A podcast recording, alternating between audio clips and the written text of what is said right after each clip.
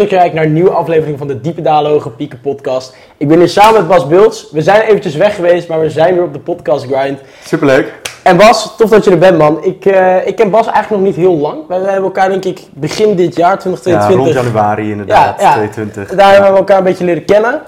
En eh, daarna een beetje contact verloren, altijd een beetje contact gehouden. En Bas is iemand waarvan ik vind, die heeft hele goede waardes. En dat is ook eigenlijk de reden dat hij hier zit. Hij is best wel eh, ja, bekend aan het worden in de Nederlandse ondernemers Hij is eh, founder en... klinkt goed. Hij is de oprichter van eh, LiveLab, samen met je businesspartner. En hij is steeds, steeds groter aan het worden. En dat, dat is ook de reden dat hij hier zit. Bas, bedankt dat we hier mochten komen. En, want hier mochten komen. We zitten hier namelijk in Barcelona bij Bas in zijn appartement. Ja man, genieten. Vertel, je woont nu in Barcelona? Hoe Ja. is dat? Ja, Barcelona is heerlijk man. Barcelona is goede vibes, lekker weer. Ja. Eh, strand natuurlijk, ik hou heel erg van, van het strand en s ochtends daar lekker sporten. Iedereen is super fit, dus veel fitter dan in Ja. Nederland.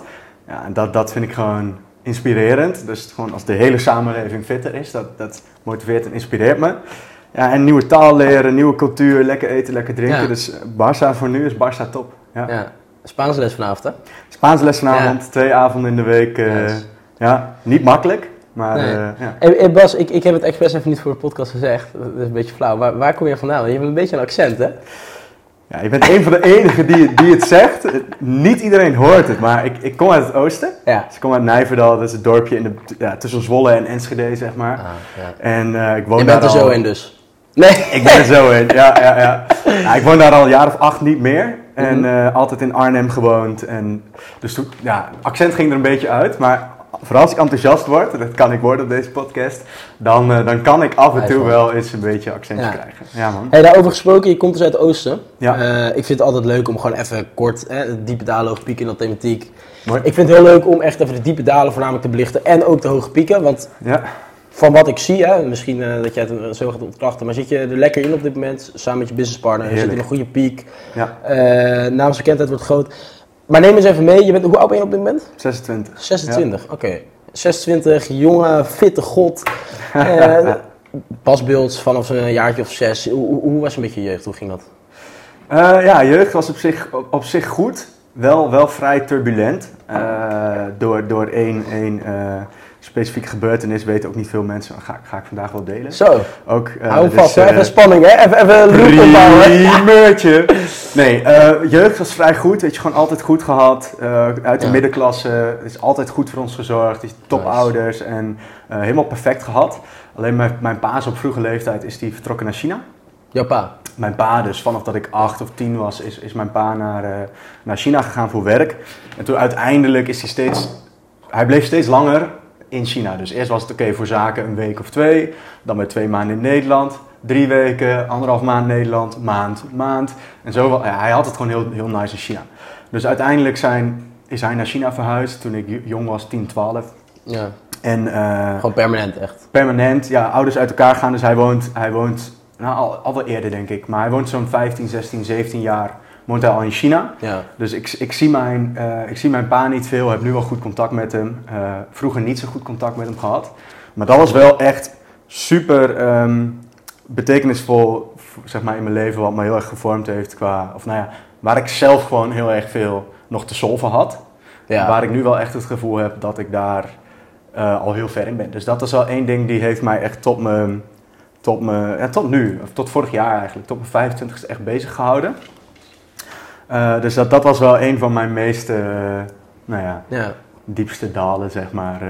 Dus ja, dat was mijn jeugd. Gewoon altijd samen gewoond met mijn ouders. Die hadden ook een eigen bedrijf, dus daar zag ik al wel het ondernemen. Ja. Ja, flink failliet gegaan. Je ouders, of mijn ouders. huis moeten verkopen. Onzekere tijd. Hij naar China. Nou, toen echt terug naar, de, naar een rijtjeshuis. En ja, toen had het niet breed vanaf dat moment. Ja. Dus tijdens mijn jeugd echt totaal niet, helemaal niet breed gehad. Ehm, Hoe, hoe, hoe oud was je? ja, de jaren die, die vind, ik, vind ik altijd heel moeilijk te peilen. Maar ik denk dat ik vanaf, eh ja, vanaf 12 of zo dat dat begon. Ja. Dat we terug verhuisden naar een andere wijk. We hadden eerst een groot huis, kantoor erbij. Dat ging dus failliet. Twee auto's, alles verkopen. Terug naar een rijtjeshuis. En eh, ja, dat was denk ik rond een jaartje of 12. Dus gewoon voordat de, rond de middelbare schooltijd, weet je wel. Gewoon Ja. echt, echt je jeugd. Ja. Waar je het meest kan, van kan herinneren, zeg maar. Ja. En, en wat, wat was de betekenis die je aangaf dan? Eh, bete- hoe bedoel je de betekenis? Nou ja, als zoiets gebeurt, zeg maar, hoe, hoe, hoe ging je daarmee om? Je, je vader gaat op een gegeven moment naar China, je ouders gaan uit elkaar. Dus, Ja. een- dus een jaar of één, twee dat dan alles in één keer misgaat. Ja, Wat gaf jij dan betekenis aan dat je vader naar China verhuist? Want ik kan me best wel voorstellen, heel veel kinderen die gaan dat op zichzelf translaten, onbewust. Ja. Van ik voel mezelf niet goed of ik ben niet belangrijk genoeg voor hem. Heb, heb jij daar zelf iets dat je daar bewust van weet, wat je dat, hoe je daar ja, mee omging? Ja, eh, ja, er gebeurt dus best wel veel. Dus dat hele leven wordt ontwricht. Dus je hebt vriendjes, maar je gaat naar een andere school sowieso Ja. al. Eh, je, je pa vertrekt. Ehm, nou, mijn, mijn opa kwam te overlijden, waar ik toen twee of drie keer in de week was ik bij hem. betekende Oh ja, veel voor ja. me. Eh, dus dat gebeurde allemaal even tegelijk. Voor mijn gevoel kan best zijn dat er een jaar tussen zit. Maar dat is dus, herinneringen zijn zo vaag, weet je wel. Vooral van vroeger. Maar die periode gebeurde dat allemaal. En, en betreffende mijn pa voelde ik vooral... eh, op dat moment begreep ik niet goed. want Je bent natuurlijk kind. Ja. Dus, eh, maar ik voelde daarna vooral woede. Heel lang vooral woede gevoeld. Van, joh, hey, eh, jij bent weggegaan. Jij was er niet voor mij. Weet je, je, je moet leren scheren. En Ja, hoe ga je scheren, weet je wel, als niemand het je uitlegt. Gewoon de basic dingen die, die, die een man of een pa zou moeten doen voor zijn kind, die, die werden niet gedaan.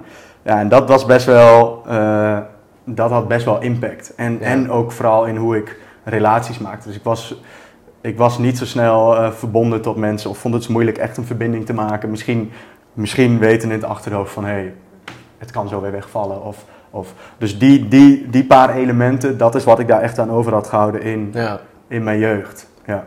Ja, heftig man. En, en, en dat is je hele middelbare school. En wat, ben je daar nou een beetje dan gaan doen? Wat deed je? HAVO, VWO, MAVO? Eh, ja, eh, MBO, wat is dat tegenwoordig? VMBO heet dat, denk ik. Ja. Dus eh, nou ja, daar altijd gewoon, gewoon prima. Ik kon nooit zo heel goed studeren, dus ik was altijd best wel druk en energiek en creatief. Ik wilde eigenlijk vooral Ja. andere dingen doen dan studeren. En mijn broer kon heel goed studeren, dus dat was altijd een beetje van, joh, bij hem ging het goed en bij mij Ja. was het minder. Dus ik voelde me altijd een beetje minder daar qua studeren. Eh, zo werd het ook altijd een beetje gelabeld. Dus ik kon, ik kon bijna naar, eh, naar, eh, naar HAVO, maar dan was het zo van, ja, weet je, je hebt moeite met studeren, laten we op safe spelen. En laten we gewoon niet die HAVO doen, want Ja. waarschijnlijk haal je het toch niet. Weet je, en eh, dus dat, dat was best wel vaak. Waarschijnlijk haal je het toch niet, want je hebt moeite. Maar ik wist zelf al direct, van op die jonge leeftijd, ja, ik ga het gewoon killen, weet je. Ik ga het gewoon rocken, ik heb geen moeite. Nou, dat was een beetje de middelbare school. Eh, ik was ook best wel dik, dus ik werd ook eh, gepe- gepest. Ik was ook best wel dik, komt ook keer. ja, maar dat, dat is zeg maar de, echt de drive geweest voor waar ik nu sta. Zeg maar uiteindelijk, als ik terugdenk, is... Of nou, voor waar ik nu sta, dat kli- klinkt zo overdreven, maar...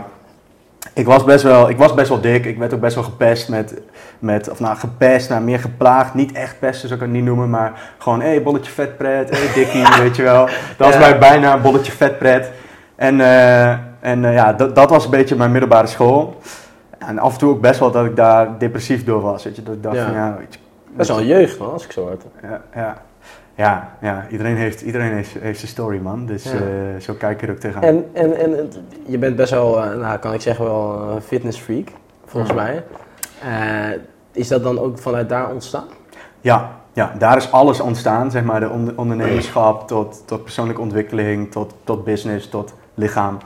Is, is op een gegeven moment liep, was ik in de, om er even verhaal aan te geven, ik had gymles en er was één jongen die, die plaagde mij al best wel een tijdje, weet je wel, van hey, Ja. Hij ging steeds verder. En op een gegeven Ja, moment... je laat het gebeuren, Je laat het gebeuren. en dan op een gegeven moment een keer toek.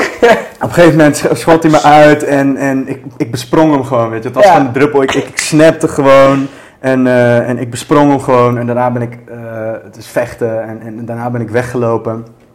En, eh, en dat is wel heel grappig, want iedereen ging mij zoeken. Ik liep weg op school, ik had niks laten horen. Ja. Mijn broer belde, ik niet opnemen. Mijn moeder belde, ik niet opnemen. School belde. Iedereen ging mij zoeken. Nou, waar zat ik? Op een trapje naast de superkoop. Dus eh, de Ja, co-op oh, winkel. ja, ja, ja. Frikandelbroodjes te chappen. Dus het, ging, het ging gewoon door in de oude patroon natuurlijk nog. Ja. Maar daar was wel... Oké, weet je gotta change.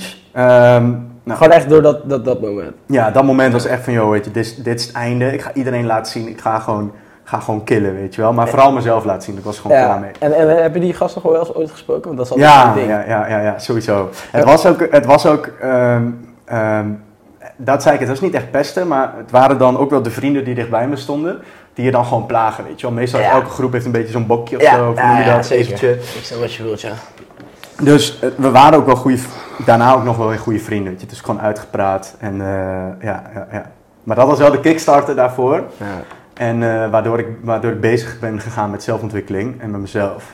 En dat was je jaartje of 16, 17, 18? Ja, 15, ja 14. 15, 16 denk ik. 15 zoiets denk ik. Dus toen eh begonnen met sporten. Toen ben ik gevallen op de, op de trampoline. Toen brak ik beide mijn benen. Toen heb ik Beide echt- benen of bijna? Ja, beide benen. Eén scheenbeen scheurtje erin, dus niet echt gebroken. Andere scheenbeen echt gebroken. Kon ik niet meer lopen. Oh. En Maar- ja, echt heel zuur. Tot op, de, tot op de onderbroek, boven de onderbroek in het gips. Dus elf maanden. Eh, toen, was, toen was ik net begonnen met sporten en afvallen. Ja? Kreeg ik setback. Elf maanden in gips. Kon alleen maar liggen, kon elf maanden niet sporten. Ik kreeg direct een meter met spek en een pot drop. Ik was 25 kilo aangekomen weer. eh, toen ik mijn been had gebroken. Dus begon weer opnieuw. Het was denk ik 16 of zo. Ja. Eh, Kut, man. Toen begon het opnieuw. Dus, maar daar is wel begonnen. In de, in de gym, toen de gym in voor het eerst. Ja man. Nice. En eh, je, je, je deed MAVO, dus je bent toen daarna even om- zo af, af te sluiten, toen ben je eh, MBO ingerold of heb je, heb je studie Ja. gedaan? Ja, Oh, nee, vertel het aan. ja, ik heb twee studies gedaan. eh, allebei ook afgerond. Dus dat is wel anders dan de meeste High school dropout? Nee, hoor. Ik ben geen high school dropout.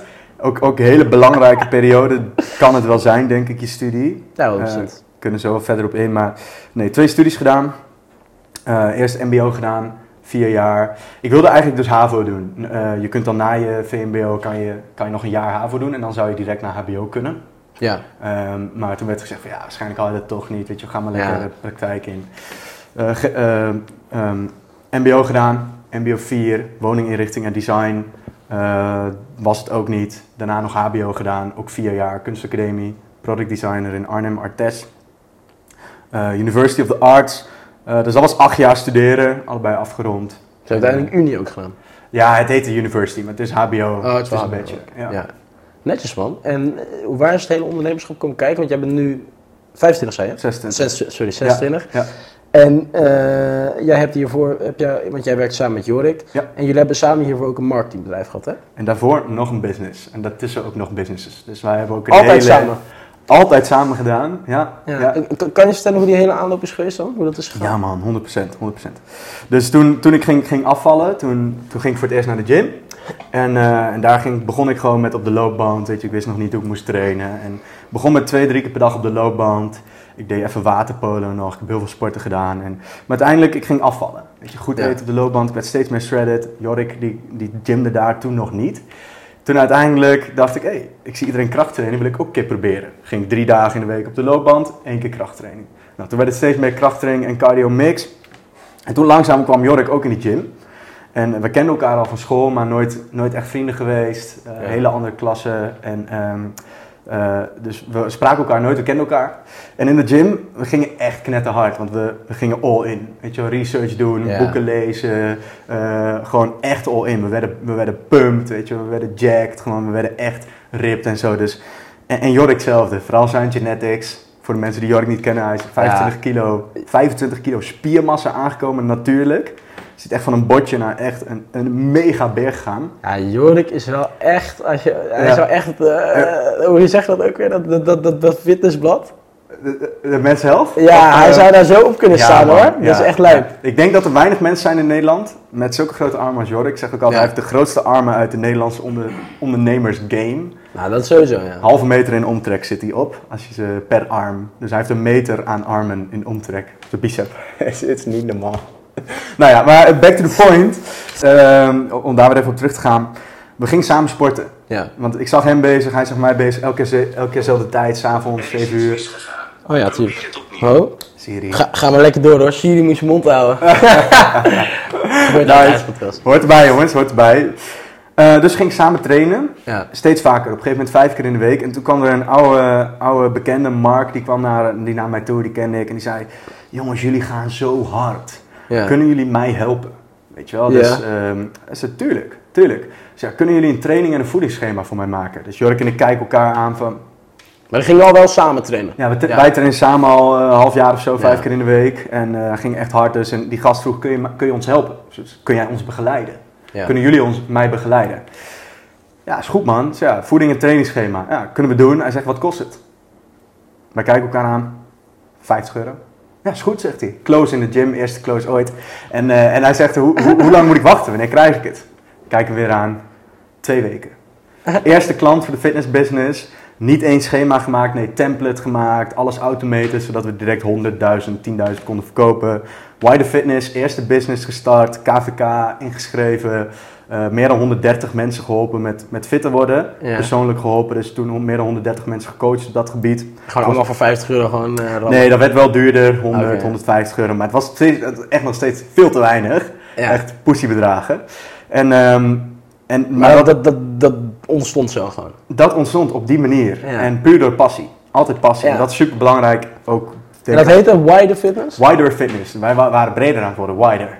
Oh, Wider. Wider Fitness. Ja, dat heet Wider Fitness. Ja. Nou, ik ben dus afgestudeerd ontwerpen. Ik ben ook best wel creatief. Dus direct brand bouwen. Hoe is de website? Hoe ziet de appearance eruit? Weet je, wat is de tone of voice? Hoe, hoe worden die schema's opgeleverd? Hoe, hoe zijn je deliverables? Toen gingen we atleten aannemen, gingen kledinglijn produceren, zelf kleding maken, webshop bouwen, ads runnen. ROAS van 3, 4, soms 7. Hadden, po- hadden positieve ROAS op de ads, Facebook Insta ads. Dat hebben we een paar jaar gedaan. En toen uiteindelijk was, de- was de voldoening ging een beetje weg. Want het was alleen maar, wij groeiden als persoon, monsterhard natuurlijk. Je Ja. je voorstellen, je bouwt business, je hebt klanten, e-mail marketing, Insta, ads, eh, persoonlijke ontwikkeling, routines, wanneer werk je, wat doe je na school. Dus je groeit als een kanon. Ja, En eh, alleen de klanten en zo, die bleven gewoon staan. Van ja, hoe kan ik meer benchen? ja, En je, wat bench jij? Weet je wel? ja je, je blijft heel erg zeg maar, in dat, dat, die eerste stage hangen, zeg maar. En alles wat daarboven zit, hoe, hoe, optimaal je, hoe optimaliseer je je performance, et cetera. Daar kwam jij steeds meer in, zeg maar. Daar kwam ik steeds Ja. meer in. Al die pers- personal interest. Dus op een gegeven moment dan ging ik naar een feestje of zo. En dan had ik iemand lang niet gezien. Want ik woonde al niet meer eh, in de buurt. En dan, dan was ik benieuwd. Was bijvoorbeeld een voorbeeld van... Hé hey man, hoe is het met je moeder? Weet je wat? Ze was ziek. Gaat het goed met haar? En dan was het gewoon direct... Yo bro, maar hoeveel bench je nu? Toen dacht ik... Ja, wat is dit jongen? Iedereen... Die mensen konden niet meer normaal met me praten, weet je wel. En ik zocht juist de diepgang op. Terwijl mensen wouden alleen maar weten... Hoeveel bench je en eh, hoeveel kun je curlen, weet je wel. Dus toen hadden we Bro gewoon- culture.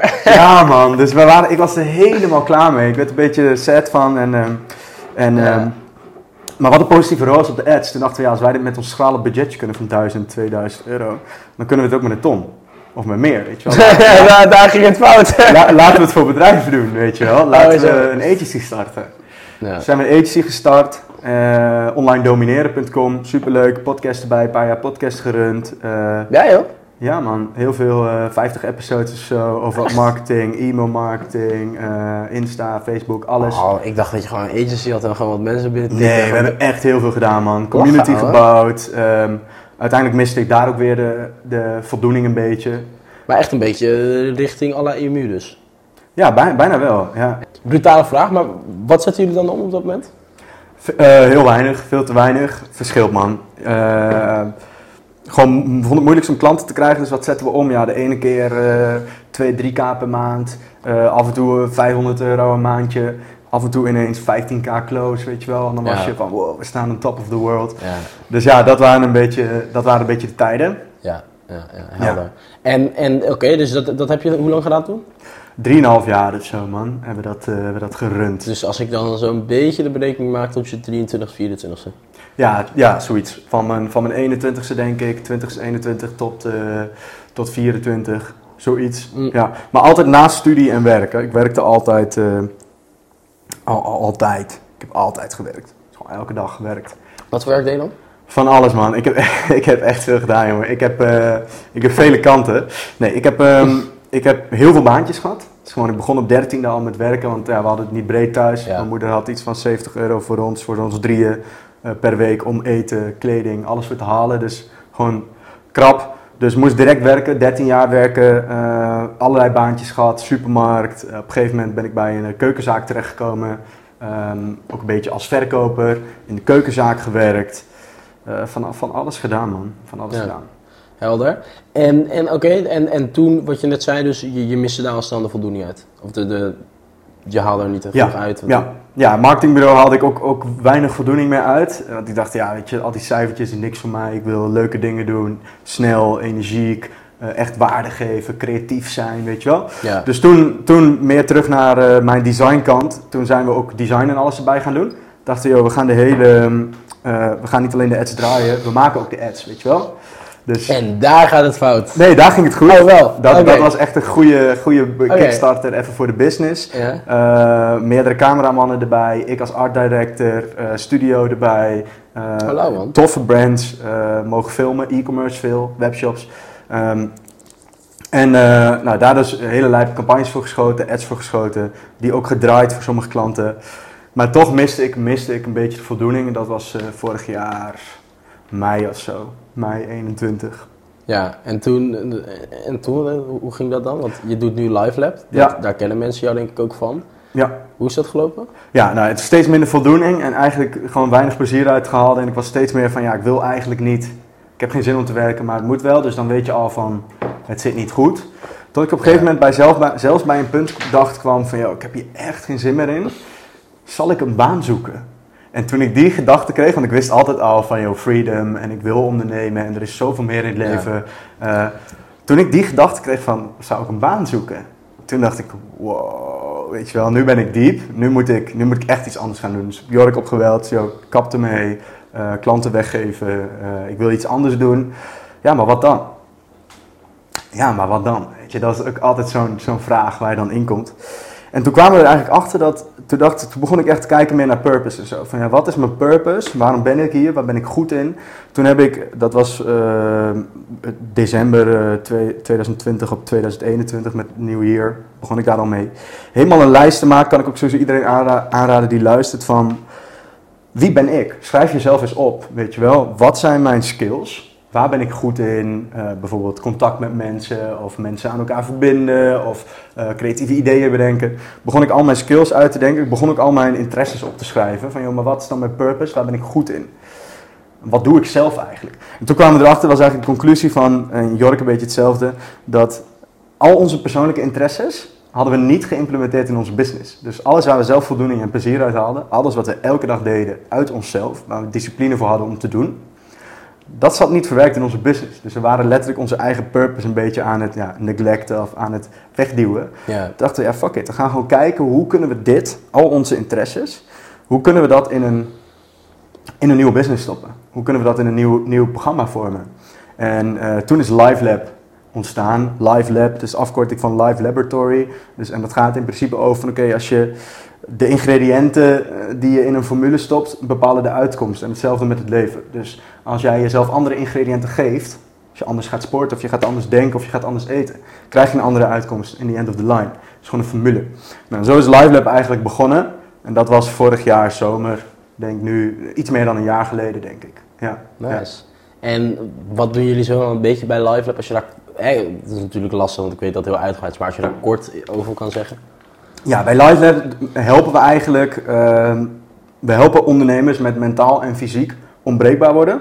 Dus gewoon echt super, eh, super sterk in je schoenen staan en altijd presteren. En we helpen met het optimaliseren van je performance eh, om betere resultaten te halen in je leven en zowel in je business. Dus echt kijken van hoe kan je beter presteren. Alleen ik geloof heel erg in, ik geloof dat een, een productief leven iets anders is dan een gelukkig leven. Ja. Dus ik geloof echt erin, als je alleen maar bezig bent met productivity. Hoe kan ik nog meer uren pakken? Hoe kan ik nog minder mensen spreken Ja. om alleen maar te werken? Ja. Hoe kan ik mijn statistieken nog meer verbeteren, weet je wel? Dan ben ik zelf niet gelukkig. ja. Dus ik geloof heel erg in dat het een juiste mix moet zijn. Maar die mix moet zo goed mogelijk zijn. Dus wanneer werk je? Hoe efficiënt werk je? eh, hoe kun je monsterproductief zijn? Maar hoe kun je ook thriven op al die andere vlakken? En dan ga je naar de beste versie van jezelf. Dan ga je naar die, je, je maximale potentie ontwikkelen. En dat is waar wij ondernemers bij helpen. Ja, wat, jij, jij, wat ik inderdaad ook zie, jij, jij, jij werkt best wel hard, jij beukt. Heel erg ook fysiek in de sportschool, of nou, dan buiten in de, in de sportschool zeg maar. Ja, Zwemt veel en alles, ik zie dat allemaal. Eh, maar jij geniet ook, je gaat ook lekker uit eten. Ja. Volgens mij zie ik ook je regelmatig goed glas wijn drinken en zo. Zeg maar. Jij hebt heel erg die balans daarin. En ik ben wel benieuwd, dat is waar ik zelf altijd naar zoek. Ik, ik ben heel erg van het extreme. Dus voor mij is het of ik, ik zit echt eh, er lekker in, twee maanden lang fucking hard beuken, fucking shredded. Je, echt goed lichaam en dan eh, niks slechts, geen alcohol en dan... Ik, ik, ik, ik, ik vind die balans zo moeilijk. Ja. Het is of bij mij zwart of het is wit, het is niet grijs. Weet je wel? Ja, Hoe, ja. Hoe, hoe doe jij dat? Heb je daar tips voor? Is dat misschien ook een stuk persoonlijkheid? Nee, dat kun je ontwikkelen, denk ik. Maar dat is dus waar jij mee zit, zitten dus alle ondernemers mee. Vooral als de business groeit. Ja. Want de business groeit, dus je bent steeds meer nodig. Jij bent belangrijk. Je moet steeds harder werken. Je moet steeds meer uren maken, steeds meer dingen bedenken. Tot je op een gegeven moment eh, slecht gaat eten, minder gaat bewegen. Want uurtje bewegen kun je een uurtje werken. Eh, je gaat minder goed slapen, want je zit alleen maar in je hoofd. Dus heel veel ondernemers hebben last van die balans. Totdat een keer te veel wordt, weet je wel. Of totdat het een keer misgaat. Of, ehm, dus ja, dat, dat, dat kun je wel ontwikkelen. Maar daar heb je dus een aantal elementen voor nodig. Die moeten gewoon met elkaar in lijn liggen. Daar heb je ook een aantal regels voor nodig. Wij noemen dat je non-negotiables. En dan kan je steeds meer gaan werken aan die balans. Maar het moet wel eh, nut hebben op elkaar. Dus eh, ik zeg altijd van jou, alles werkt met elkaar samen. Dus Ja. doordat jij beter slaapt, moet je wel een uur eerder naar bed misschien dan dat je nu doet. En moet je je routine een beetje aanpassen wat meer tijd kost. Ja. Eh, wat je dus eerst denkt van dat kost mij tijd. Levert het je meer energie, meer focus. En op lange termijn krijg je dus werk sneller en beter gedaan. En presteer je Ja. beter. Dus alles ligt met elkaar in lijn. En dat geldt voor alles eh, in je leven. Dus je relaties, je sociale vlak, je voeding, je training, je beweging, je slaap, je mindset, je werk, je productiviteit, je focus. Weet je, al die punten liggen allemaal in lijn. Eh, dus daar, moet je, daar helpen wij dus ondernemers ook mee om daar voor hunzelf een hele sterke formule in te vinden. Dat is dus Ja. weer die life lab. Ja. Ja. En, en eh, hè, er zit natuurlijk er zit een stukje natuurlijk gezondheid in, optimale performance. Maar ik hier een heel mooi boek naast ons liggen. Dit is eigenlijk ook een beetje de reden dat ik jou heb uitgenodigd. ja, leuk. Eh, je bent een beetje de, de stoic philosopher van de, de Nederlandse ondernemerskern. Nou, dat is een boek van, eh, van dit gaat over Ma- Marco Aurelius. Marcus Ja. Aurelius. Ja. Ja. Wat Hoe, hoe, hoe, hoe zit dat precies een beetje bij jou? Kan je daar wat over vertellen? Ja, 100% man. Want ik, ik, ik, 100%. ja, ik, ik ben wel heel erg benieuwd naar jouw gedachtegangen, om daar gewoon wat over... Ja, Zeg maar, je had het net over purpose. En eh, ja, een van jouw eer- eerste klanten, denk ik, Dylan. Nee, ja? Ja. Eh, is een beetje een vriend van mij geworden. En eh, hij zei van, ja, Bas, die heeft echt... Ola, als je ooit een podcast opneemt, moet je met Bas doen. Het echt, die heeft echt mijn, mijn leven veranderd. En hij was altijd op zoek naar zijn purpose. En Ja. hij, hij zei tegen mij dit. Ik ben erachter gekomen dat het hebben van een purpose... een- Mijn purpose is dat er geen purpose in life is. Mm. En eh, dat was hij dan door middel van jou achtergekomen. Ik- ben nog steeds met, met die zin, zit ik nog steeds in mijn hoofd. Kan, je daar wat over uitleggen? Ja, ja, ja. Ja, dat gaat natuurlijk best wel diep. Ik heb met Dylan ook echt sessies gewoon anderhalf uur, eh, soms langer en al heel veel gehad. Ja. Dus daar zit heel veel gesprek en heel veel history natuurlijk achter en dat verschilt ook per persoon. Ehm, en over purpose, ja, daar helpen ook veel mensen mee, want daar lopen veel ondernemers ook tegenaan. Dat je, je, je doet iets, je gaat all in op iets, maar je verandert als persoon en als karakter. Op een gegeven moment merk je, hé, hey, mijn business past niet echt meer bij me, maar wat wil ik dan? Dat je tot heel veel ondernemers ook op een punt komen van, eh what the fuck, waarvoor leef ik eigenlijk, weet je wel? Wat doe ik, weet je, wat, wat, eh, ik heb die onderneming gehad, was succesvol, ik vind het nu niet meer leuk, maar wat vind ik wel leuk? En daar geen antwoord op kunnen vinden. Ja. Dat hebben heel veel mensen en, en eh, misschien loop jij daar, heb je daar wel eens tegen aangelopen, maar zo niet, Ja, 100%. ga je daar 100% tegen aanlopen. Iedereen gaat er tegen aanlopen. Eh, dus daar begeleiden we ook mensen mee met begeleide sessies van hey, hoe vind je je purpose en wat, wat zijn jouw krachten en waar moet je op inzetten om, om dat geluk te ervaren en dat te voelen. En voor mij heeft dat de grondslag heel erg in Stoïcijnse filosofie. Dat is dus terugkomen op jouw boek, ehm, eh, die je net aanwees, How to Think Like a Roman Emperor. Dit is dus inderdaad Stoïcijnse filosofie. ehm, is een, een, hele, een van de hele oudste levensfilosofieën, twee, tweeënhalfduizend jaar geleden van de Grieken en de Romeinen. En er zijn een aantal personen geweest die hebben die filosofie gevormd. Maar belangrijk is, is ehm, veel mensen denken bij filosofie saai, boring. Hey, Ja. hoe, hoe kan je zo mooi mogelijk een zin vertellen of zo uitgebreid mogelijk ja. je punt maken. En Stoic philosophy is letterlijk cut the bullshit. Eh, hier zijn de regels voor een goed leven. Volg die en je wordt de beste, meest gelukkigste versie van jezelf. En dan echt in Jip en Janneke taal. Het is de meest praktische levensfilosofie voor een gelukkig, voldaan en sterk leven. Dus voor echt je beste leven. Al 2500 jaar oud. Ja. En dat is vooral ehm, interessant voor ondernemers, want die krijgen met veel meer tegenslagen te maken. Die krijgen met veel meer dingen te maken in het leven. Hebben een moeilijker leven, letterlijk. Weet je, er is veel meer going on. 100%. Dus you need some rules, zeg maar, je hebt regels nodig om daarmee te dealen of eh, om dat aan te vliegen. En daar heeft Stoïcijnse filosofie mij heel erg bij geholpen. En kan je eens kort toelichten, gewoon, eh, voor, want ik weet het inmiddels een beetje, maar voor de kijkers thuis, Ja. wat is Stoïcijns filosofie in een nutshell? in een nutshell is, eh, is de Stoïcijnse filosofie, zijn een aantal ehm, eh, grondregels, is eigenlijk hoe ga je met tegenslagen om? Dus eh, leren te leven met acceptance, dus acceptatie, eh, alle op obstacles om kunnen draaien tot een win. Eh, dus met mijn huis bijvoorbeeld was afgebrand, ik weet niet of je die, Ja, dat ja. verhaal had gezien. Half, half. Maar het is misschien wel leuk om te vertellen. Ja, ik, ik zou het zo even vertellen, maar dus, dus dealen met obstacles. Inderdaad, dat dus om kunnen draaien tot een win. Leven met acceptatie. Heel goed weten waar je wel en geen controle op hebt. Heel veel mensen die worden verdrietig of zijn emotioneel doordat ze leunen op dingen waar ze dus eigenlijk geen controle op hebben. Dus precies weten waar je wel en geen controle op hebt. Daardoor word je veel relaxter, veel vrijer, veel chiller, maak je veel betere keuzes. Hij is cirkel van invloed. Circle van invloed, circle of control, maar dan echt tot de meest basis als persoon. Het gaat om eh, worden van een goed persoon, maar ook tot discipline ontwikkelen. Eh, uitstelgedrag eh, uit je leven verbannen. Ehm, ehm, vinden wat je purpose is. Dus dat zijn heel erg basisdingen. Een sterk karakter ontwikkelen. Goed leven leiden. Dat zijn die basic topics die eigenlijk, die eigenlijk altijd al... eh, de vragen die er altijd al zijn in humanity. Van, joh, maar hey, hoe word ik dan een goed mens? Wanneer ben ik een goed mens? Hoe moet ik dan leven? Hoe eh, ga ik met tegenslagen om als er iets gebeurt? Eh, waar ben, waarom sta ik op deze wereld? Wat is mijn purpose? Hoe kijk ik daar tegenaan? Al die vragen die ieder mens heeft van nature, ja, die, die worden gewoon daarin behandeld en gewoon crystal clear gemaakt. Dus het is echt voor mij een handboek. En het is ook echt een handboek geworden. Zo 2,5 jaar, 2,5 jaar geleden, eh, ongeveer 2,5 jaar geleden, wist ik echt niet wat mijn purpose was. Ik zat al een jaar of zo met dat marketingbureau dat ik echt Ja. je bent een beetje depressief van. Ik kwam ook in een training depression, was gestopt met trainen. Ik kon letterlijk, ik werd gewoon depressief. Ik kon letterlijk niet meer de motivatie opbrengen om goed te eten, om te sporten. Ik liet mijn vrienden gaan, mijn social circle krimpte, de business ging achteruit. Ik pakte mijn spullen, liep naar de gym, voor de deur stopte ik, ging weer naar huis. Eh, ik werd dik, ik snoepte alleen, ik was alleen maar aan het gamen. Tot er op een gegeven moment iets snapte van, yo, hey, zo heeft het geen nut. Ja. Toen kwam ik bij Stoïcijnse filosofie. Toen ben ik dat gaan studeren, 2,5 jaar. En, en die regels, ik zeg ook altijd echt van, dat heeft echt mijn leven veranderd. Als ik iemand iets mag bijbrengen in mijn coaching, is begin daarmee. Weet je, start daarmee. Ja. En geef het eens een paar jaar. Ga dat implementeren.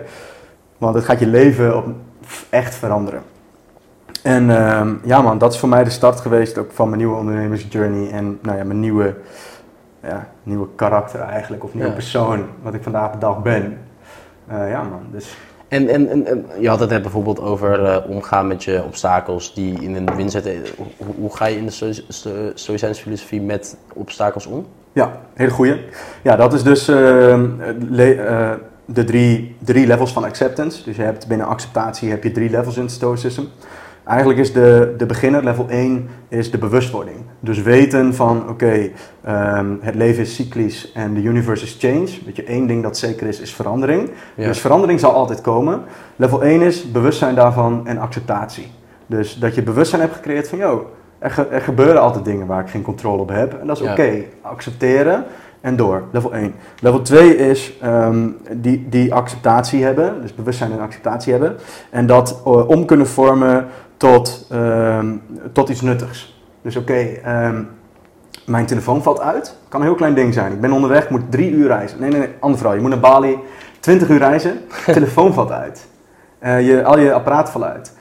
Ja, je bent verplicht bijna om met mensen te praten of om iets anders te doen. Dus doordat je iets denkt in eerste instantie dat slecht is, krijg je misschien iets heel goeds uit. Of kun je zelf kiezen om er iets goeds uit te halen door Ja. met iemand te praten of iets anders te doen.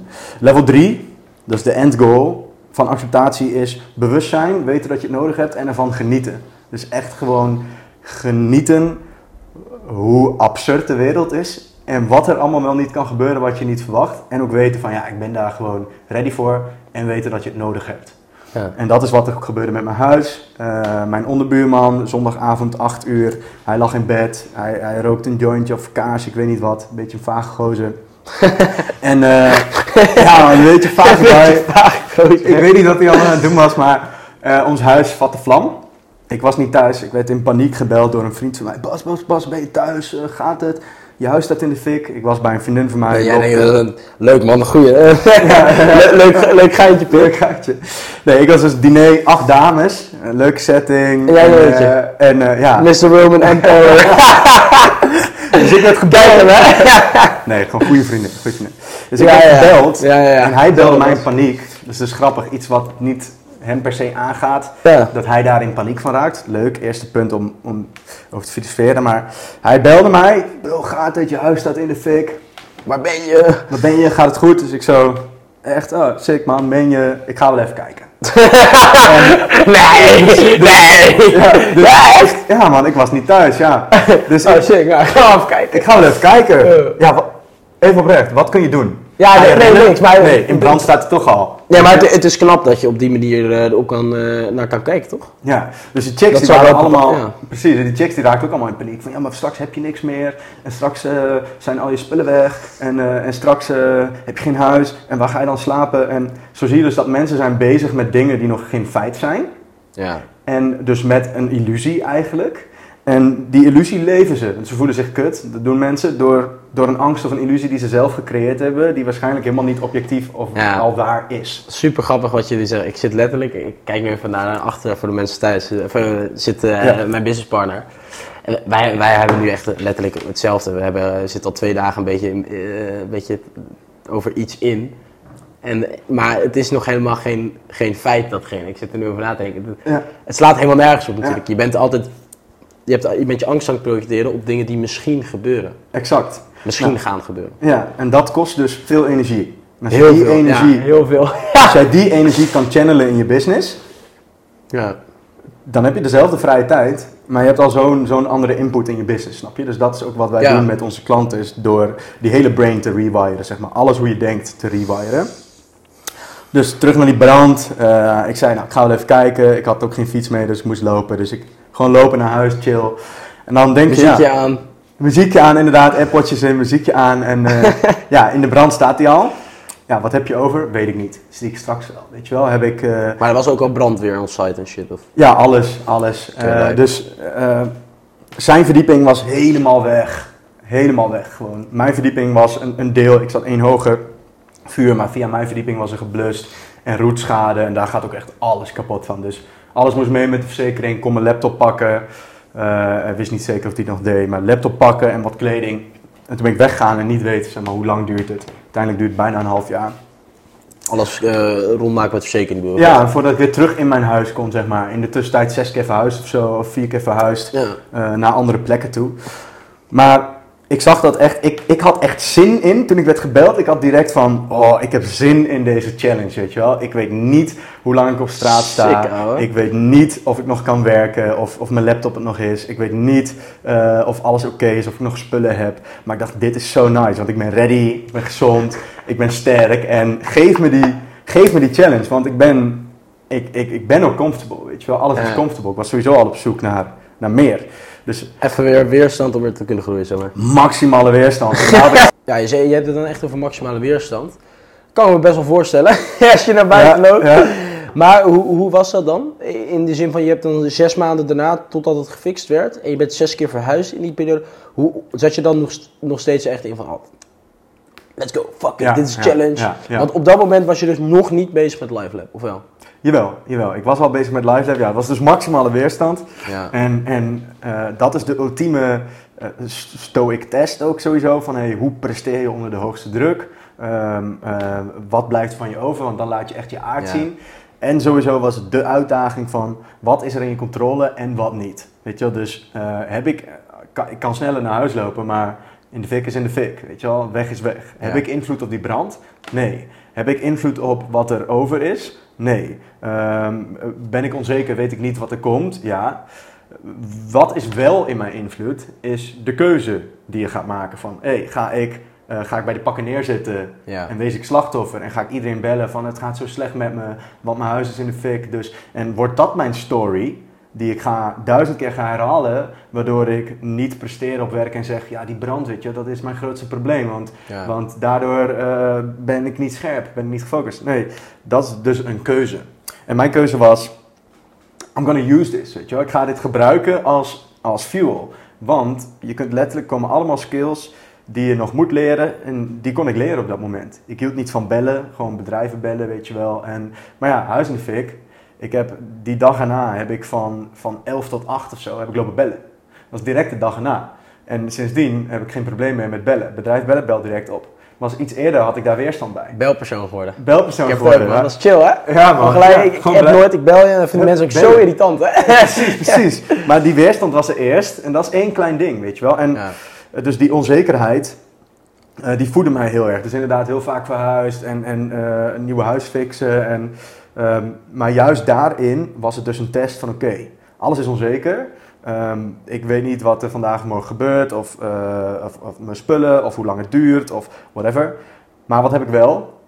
Ik heb zelf de controle over mijn non-negotiables. Ik ga elke dag sporten. Ga elke dag waar ik ook zit, in welk huis ik ook zit. Ik ga goed voor mezelf koken. Ik ga goed voor mezelf zorgen.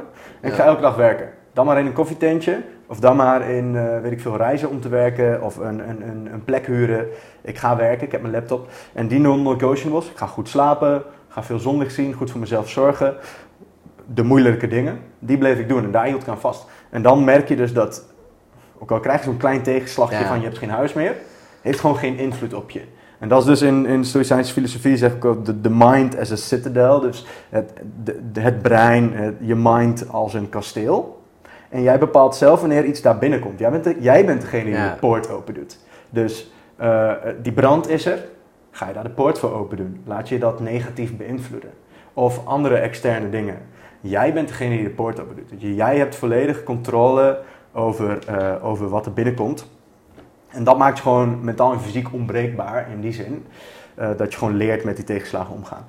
En ik had die brand had ik dus nodig Ja. om echt die, sowieso die, die drive even weer keer twee te laten gaan. Want daarna dacht ik, oké, deze formule werkt. Deze gedachtegang werkt. Weet je wel. Ik, eh, ik presteer op topniveau, weet je wel. En dat, dat kan ik nu gebruiken. Dus die brand had ik letterlijk nodig om de persoon te worden die ik nu ben. Dus zo geloof ik ook dat je grootste tegenslagen... Iedereen kijkt er altijd naar als tegenslagen. Ik heb dit en dit meegemaakt. en Dit was zo zwaar voor me. Dat heeft me gevormd. Op negatieve manier. Nee, je grootste tegenslagen zijn je biggest wins. Ja. Die heb je nodig om ergens anders te komen. Exact. Dus dat is hoe deal je met een obstacle. Dat is, dat, dat is waar het in de Stoïcijnse filosofie ook over gaat. En brand was een supergoed voorbeeld om te zien van, yo, ik zit echt in top level, zeg maar, dat ik nu ook echt geniet van die obstacles. Dat ik er echt daadwerkelijk van kan genieten dat het gebeurt. Ja, en, en, en hoe, hoe, je zegt al van je, je grootste obstacles zijn je biggest wins. Ja. Eh, wat ze ook altijd wel zeggen, hè, van in die, in die weerstand zit uiteindelijk weer die groei. Je moet Ja. uiteindelijk dat hebben om weer door te gaan naar het volgende niveau. Ja. Ehm, hoe, hoe heeft dat dus zich dan uitgemond bijvoorbeeld in je business? Want was je toen al bezig met LiveLab toen? Ja, ja, ja. Toen Net. waren we al bezig met LiveLab. Want je doet Nog niet heel lang inderdaad. Die brand was eh, november. En we waren begonnen met LiveLab september echt. Maar januari hadden we pas echt een goede launch, grote launch. Ja, Eh, dus vanaf november, dat was 28 november of zo die brand. Dus vanaf december, 1 december zeg maar praktisch, dan vijf maanden eh, ongeveer. Dus ja man, dat was een beetje, dat was een beetje de periode. En ja, met LiveLab gewoon, eh, gewoon naar oplossingen gezocht en gewoon altijd het beste eruit gehaald, juist. En die lessen die ik daar leerde, die, die nam ik dus weer echt mee. En dat heeft er wel voor gezorgd dat ik, dat ik de Stoïcijnse filosofie meer ben gaan ehm, implementeren, ook om dat weer aan anderen te leren. Eerst was het echt meer eh, productiviteit, focus, voeding, training, eh, weet je, de, echt, de, echt de productivity-wise. Maar toen kwam ik erachter van, joh, als, jou, als jij mentaal niet sterk staat en je hebt voor, voor je mentale eh, gedeelte heb je geen, geen regels of, of strategie of aanpak, dan kun je die, die, die, die acties op dat fysieke vlak kun je wel hoog houden. Ja. Maar als er één ding gebeurt wat jou gaat ontwrichten, dan zit je laag. En dat is voor mij de definitie van peak performance. Is dus pieken, waar jij in het begin ook over had, die balans. Is dus pieken tot er iets gebeurt waardoor je weer ontwricht wordt, waardoor je weer daalt. En high performance is voor mij eh, boven de gemiddelde norm presteren. Consistent op een langere periode. Ja. Het liefst Ah, li- ja, lifelong, heel weet nice. je wel. ja. Hoog of een piek? En een piek Ja, liever ja. hoog en lang. Maar liefst hoog wel, boven gemiddeld. Extraordinary. En dan lang. Maar dat kan je dus alleen creëren als dus die fysieke elementen moeten er zijn. Dus slaap, voeding, training, beweging, al die shit. Die moeten zijn. Maar die men- dat mentale kasteel, weet je, die, die inner citadel, die mind as a castle. Die moet staan. Want die, dat gaat jou als ondernemer het meest vooruit brengen. Want als ondernemer krijg je de meeste tegenslagen. Ja, als je bij een baas gaat werken, heb je veel minder tegenslagen. Als ondernemer heb je, heb je struggle na struggle. Weet je wel, heb je continu. Dus dat is wat jou echt ehm, van je apropos kan brengen. Maar je moet wel weten hoe je daar kunt komen. Dus dat is wat ik nu ook implementeer in. Ja. Door die brand ben ik dat gaan implementeren nu in LiveLab en in mijn personal brand. En dat staat heel goed aan, omdat dat is ook iets wat mensen echt kan helpen, echt kan veranderen. Je kan googlen hoe je beter kunt slapen of hoe je productiever kunt worden. Yo, ruim je bureau op, dat werkt. Ja, dat werkt. Maar tuurlijk werkt dat. Dat kan je googlen. Maar echt, hoe denk je en, en hoe ga je om met bepaalde situaties in je mind? Ja, dat is moeilijk in één keer te googlen. En dat heeft de biggest ROAS. Long Ja. term, zeg maar. 100%. En daar is, dat is nu echt mijn missie om, om, om daar mensen echt bij te helpen. Omdat ik zelf heb gemerkt van, je kan zo'n next level leven unlocken. Qua energie, maar ook qua hoe je je voelt en hoe je met tegenslagen omgaat. Dat is out of this world, weet je wel. Je voelt je gewoon unstoppable en, en ja, dat, dat, dat leer ik ook aan andere mensen. Dat wil ik ook aan andere mensen leren. Dus ja, dat is die brand mij gebracht. Ja, en dat is biggest Ja. gift, zeg maar. En, maar, maar wat is jouw purpose dan? Op dit moment? Heb je een purpose? Ja, dat is een goede vraag. Purpose hebben we het inderdaad vaak over. En soms weet ik zelf ook nog niet helemaal, weet je, want, want sommige vragen zijn zo moeilijk. Bestaat er een antwoord? I don't know. Ehm, purpose, ik geloof, ik geloof heel erg dat een purpose ook iets is dat kan veranderen. Omdat je als persoon heel erg verandert, weet je wel. Je kunt letterlijk over drie maanden een andere persoon zijn. Nu onderneem jij en zie je jezelf als een ondernemer en whatever is je identiteit, et cetera. is jouw identiteit. Maar als jij over drie maand eh eh, ultramarathonrunner wil zijn en je leven draait alleen maar om ultramarathonrunner, want mentaal eh, voel je je daar het best in die hitte van die strijd, in die struggle, dan kan dat over drie tot zes maanden, kan dat jouw fully identity zijn. En dan is je purpose veranderd. Ja. Dus ik geloof heel erg dat een purpose is ook eh, zelf vormbaar, maar kan ook veranderen. En dat is denk ik ook waar veel ondernemers de fout maken, is ze zitten te lang in die sketching phase. Van ja, maar wat wil ik dan worden? Wil ik een marketingbureau starten? Ja, maar ik wil niet mijn hele leven een marketingbureau hebben. Of ik wil niet gezien worden als de marketing guy. Je, in je hoofd zijn keuzes voor eeuwig. ja, Maar alles is, alles is vormbaar. alles verandert. Ja, alles verandert. En als mens heb jij als een van de enigste eh, organismen heb je rationeel bewustzijn. Kun je kiezen, ik stop nu. Ik laat alles los. Ik neem een gok, ik bouw wat anders. Ik word een totaal andere persoon. Ik ga Ja. totaal iets anders doen. Dat is een van onze gifts die bijna niemand gebruikt. Dus je mag fouten maken, je mag wisselen in die purpose. Je mag ontdekken wat voor jou werkt. En overal leer je van. En zonder het te leren ga je die purpose ook niet vinden. Ja. Dus zo kijk ik, ehm, kijk ik naar purpose. En dat is misschien ook waarom Dylan zei van, joh, dat er geen purpose is. Misschien heeft hij dat zo geïnterpreteerd. Omdat die purpose dus kan veranderen. Is er dan een purpose? I don't know. Dus dat heeft meer, dat is moeilijk. Weet je, dat is voor iedereen moeilijk. Dus je moet leren beginnen. Dat is dus ook de conclusie van purpose. Is leer beginnen, maar eh, schrijf het boek niet af. Weet je, laat het boek ja, heb, heb geen backcover. Schrijf gewoon door. Weet je, ga, ga naar links, ga naar rechts, ga rechtdoor. Schrijf gewoon door. Weet je, het boek hoeft niet te stoppen. Stopt vanzelf een keer. Dat is ook prima. Dus ja, dat, dat is hoe je, hoe je naar purpose zou kunnen kijken. En ik denk dat mensen het veel te zwaar pakken. Ja, ik voel me niet gelukkig, want ik, eh, ik weet echt niet wat ik moet doen. Nee, kijk gewoon waar je blij van wordt, waar je gelukkig van wordt. Begin daarmee. Dat is wat ik met LiveLab heb gedaan. Dus ik word zelf super gelukkig van next level sporten. Weet je wel, en, Ja. en het echt zwaar hebben. Weet je wel, op 48 uur vasten en dan op lege maag een halve marathon rennen. En dan tijdens het, tijdens het hardlopen bewustzijn verliezen voor een paar minuten. Terwijl je denkt van, what the fuck, ben ik nog aan het hardlopen? Dat zijn momenten dat ik leer en dat ik groei. En, en daar haal ik voldoening en geluk uit.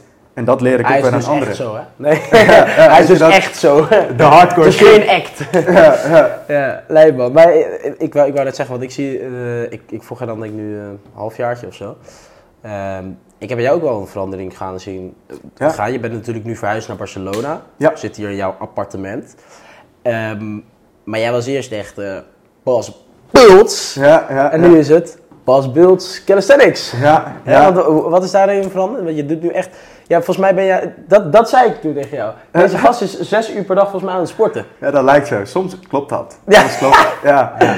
Nee, en dat heeft dus te maken met je levens, levensfilosofie. Ja. Zeg maar, ik ben natuurlijk ook bezig met van, hé, hey, tuurlijk, je bent bezig met stoïcijnsfilosofie. Hoe bouw je karakter? Hoe word je de beste versie van jezelf? Kom jezelf ook tegen als man. Ja. En ehm, iedereen sport omdat ze andere mensen zien sporten. Dat is sowieso met het hele Insta-ding. Iedereen ziet een ondernemer. Ik moet ook gaan ondernemen. Ik moet gaan dropshippen. weet je. Iedereen doet dropshippen. Iedereen ziet de gym. Ik moet gaan gymmen. Iedereen ziet eh, een millionaire habits. Moet ik ook hebben. Word ik ook miljonair. Weet je wel, maar iedereen is anders. En wat ik, wat ik afschuwelijk vind, wat ik afschuwelijk vind, Ja. is dat hoe kan je jezelf aankijken in de spiegel als man als je je eigen gewicht, gewicht niet kunt tillen, als je niet kunt rennen wanneer je leven ervan afhangt, als je niet kunt zwemmen wanneer je leven ervan afhangt, als je niet flexibel bent, als je iets op moet rapen, als je niet je, weet ik veel, ooit heb je misschien een vrouw en kinderen en je huis staat in de brand en die moet je op kunnen tillen, maar ja, je Maar het zou maar twee keer gebeuren. het zou je maar twee keer gebeuren, mijn schouders zijn te zwak om dat te doen, weet je, Ja. wat voor man ben je dan?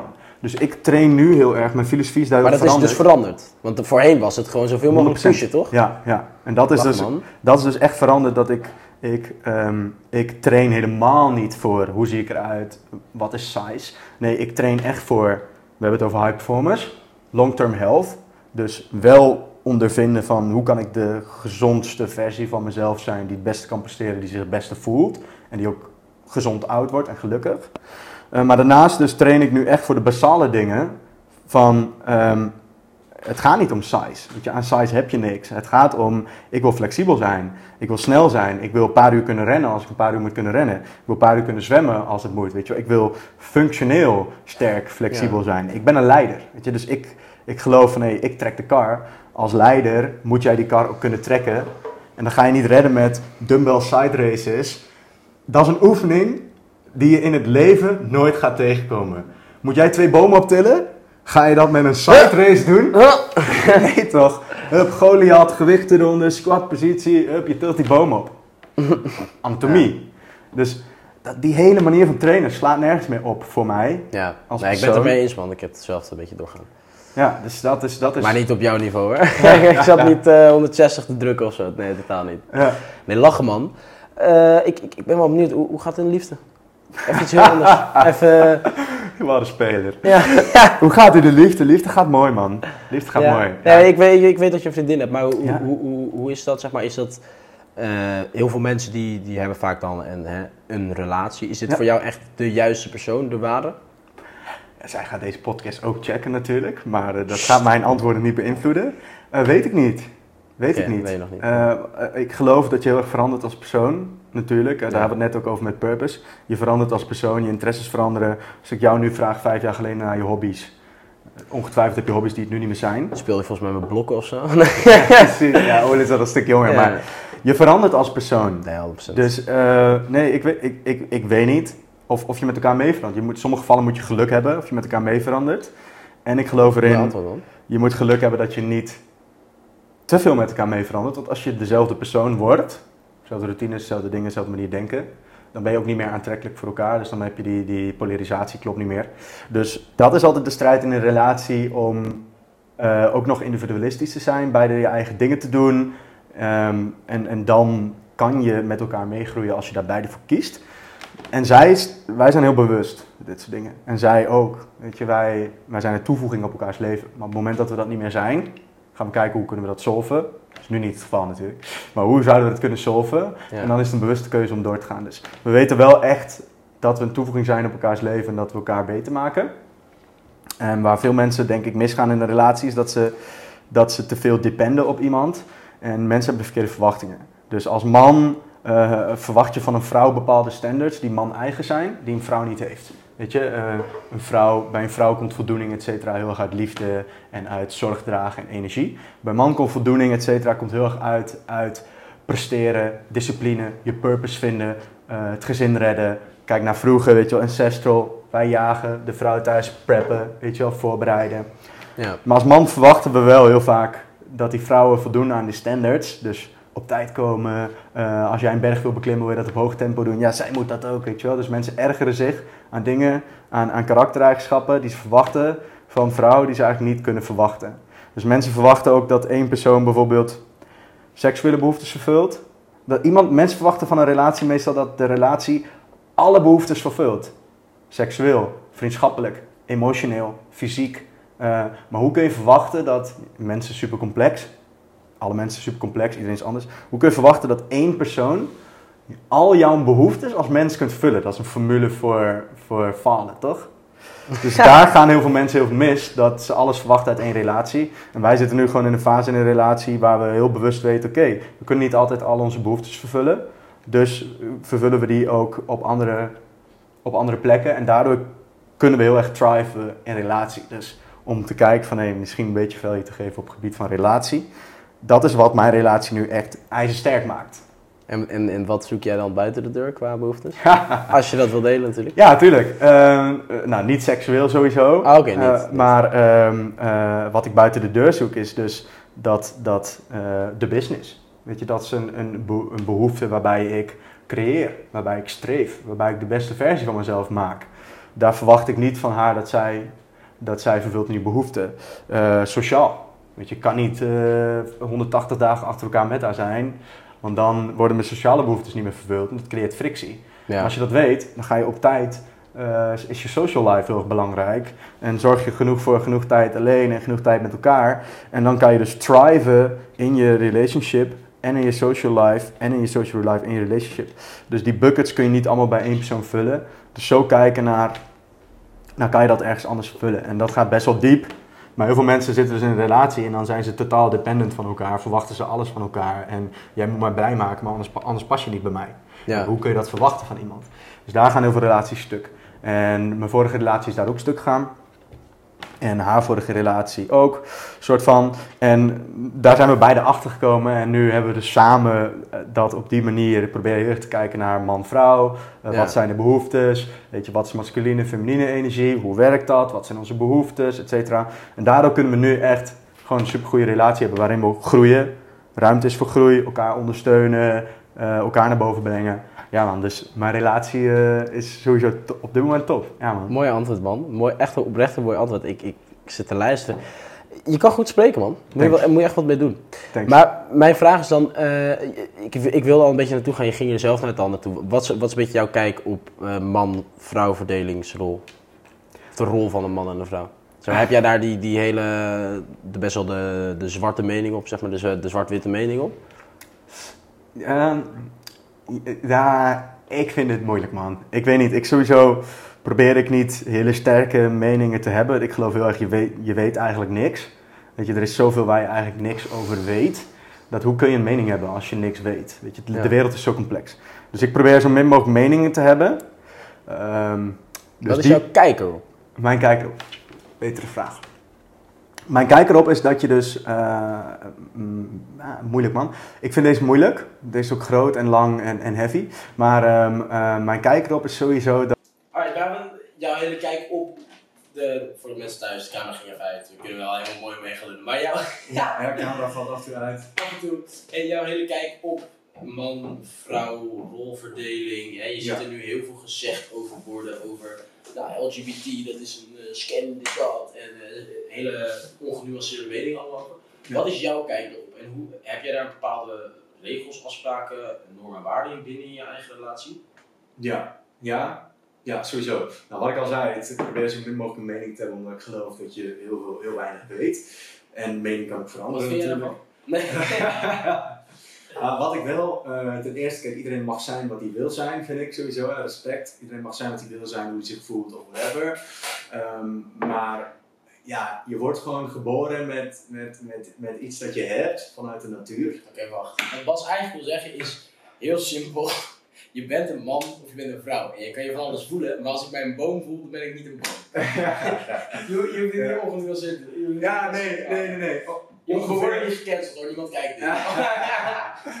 ongeveer wel, nee. ehm, sowieso mensen moeten zijn wat ze willen zijn, maar ik vind, hoe kan je iets ontkennen wat, wat, wat, eh, wat al eeuwen oud, wat je gewoon bent, wat de natuur is, weet je, wat je DNA is, hoe kun je dat ontkennen? Dus mens zijn kun je niet ontkennen. Ehm, dus hoe kun je dat ontkennen dat je dat niet bent? Dat vind ik gewoon niet kunnen. Eh, ook disrespectvol tegenover jezelf, de. Eh, Man-vrouw, denk ik dat polariteit heel erg belangrijk is. Dus sowieso, veel vrouwen worden nu in een positie gedrukt waarin ze man moeten zijn, of mannelijke eigenschappen moeten 100%. hebben. Eh, nu heb je die hele movement van, oké, meer, vrouw, meer vrouwen moeten directeur worden. Maar vanuit nature zijn mannen misschien ook beter in die leiding nemen of die keuzes maken. Dus eh, ik vind dat een movement die gaat echt de verkeerde kant op. Want je moet goed weten wat ook bij de vrouw, wat ook bij de man. Maar daar heb je natuurlijk wel gradaties in van hoe vrouwelijk ben je als vrouw en hoe mannelijk ben je als man. Zeg maar, ik ben best wel een, ehm, ik ben best wel een mannelijke man. Ja. Eh, best wel een mannelijke man. En ik hou ook echt van een hele vrouwelijke vrouw. Dus als een vrouw een, een- een te mannelijk is, ze neemt te veel leiding, of eh, ze is te veel eh, regelig, of ze is te lomp, of, dan vind ik dat van nature onaantrekkelijk. Daar moet je natuurlijk wel bewust van zijn. Dus ik denk sowieso in relaties, man-vrouw, is het belangrijk wat ben je zelf. En wat, hoe masculine ben je? Ben je een Ben je boom, ben je tosti-ijzer, ben je de Bosch X36 i3, Ben je pan? ben je pan.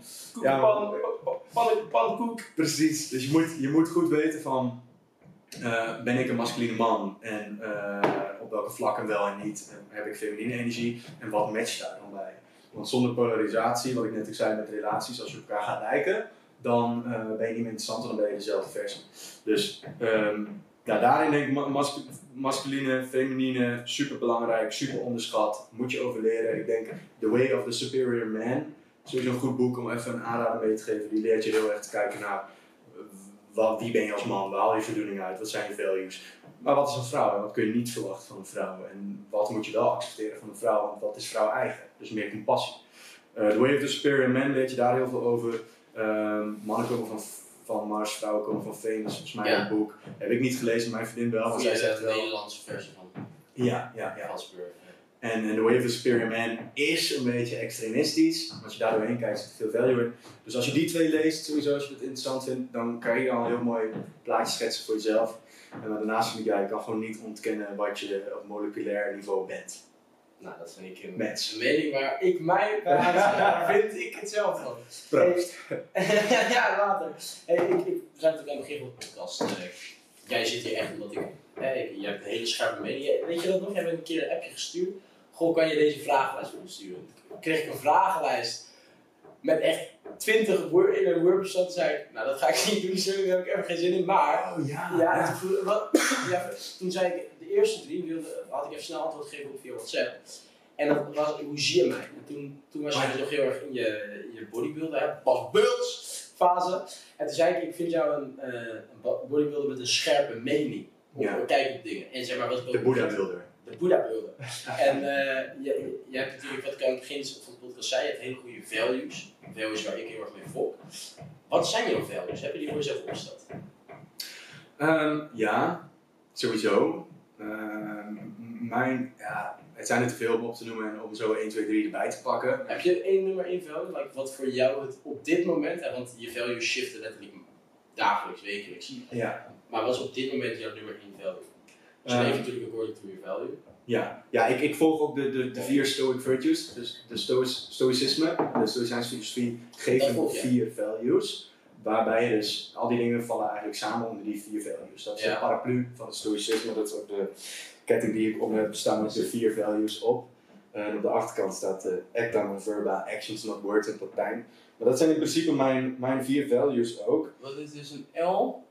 Ja, het is, het is, een, Weegschaal, eh, het is een, ja, een uil, een weegschaal, een leeuw en een, een, een wijn eh, jug, hoe noem je dat, een karaf. Dit moet je even gaan uitleggen, want Ja. dat is gewoon niet. Precies, dat zijn de four stoic virtues. Dat is Er komt temperance, even een foto in beeld van het ding. Zo. temperance, courage, justice en wisdom.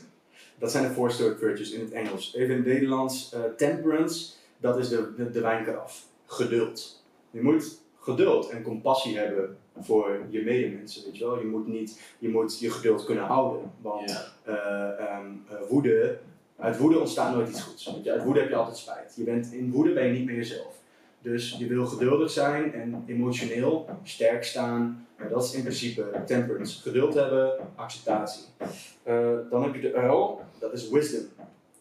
Wisdom, geloof ik, de Stoïcijnen heel erg sowieso altijd beter worden. Dus altijd leren en altijd zelf ontwikkelen en bewust zijn. Maar wisdom, de uil met de twee ogen, is, is vooral dat je het bewustzijnsniveau hebt. Dat je voor de, voor de mensen thuis, de, de buren zijn even. Ja, dan? denk dat dat zacht Ja, ja. maar niet uit. Meestal gaat het goed. Dus de uil is, die, die ziet, dat, is het, dat je de wisdom hebt om te zien wat, wat binnen en buiten jouw controle ligt. Dus daardoor ook kunnen handelen. Dus dat je weet van, waar heb ik controle over? En daardoor dus maximaal kunt gaan.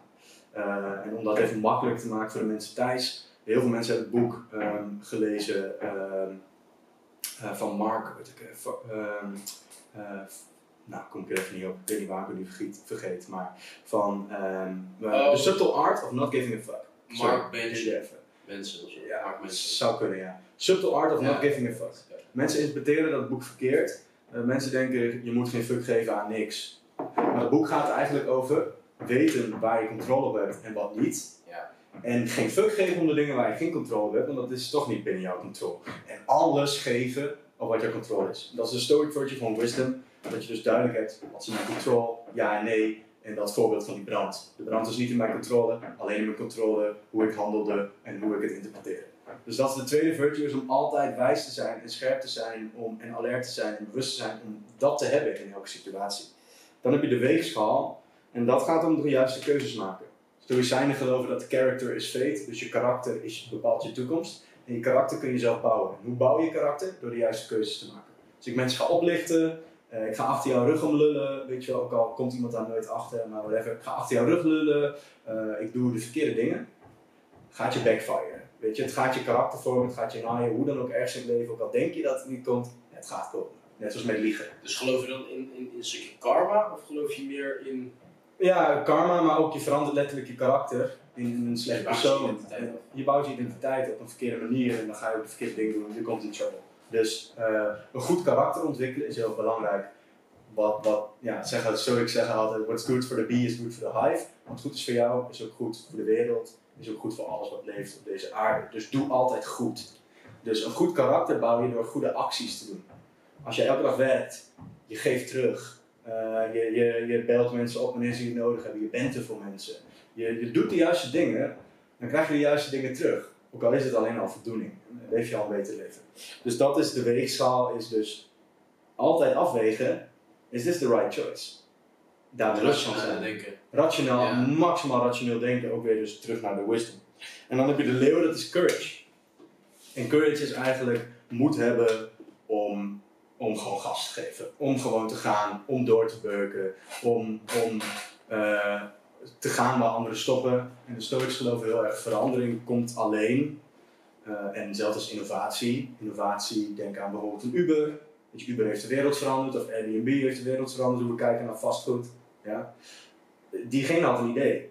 En iedereen zei, ja, moet je niet doen, gaat nooit werken. Weet je wel? Mensen kunnen nog letterlijk niet bedenken dat het zou kunnen werken, want het is nog nooit gebeurd. Maar iemand gelooft dat en heeft dus de courage om zoiets te doen.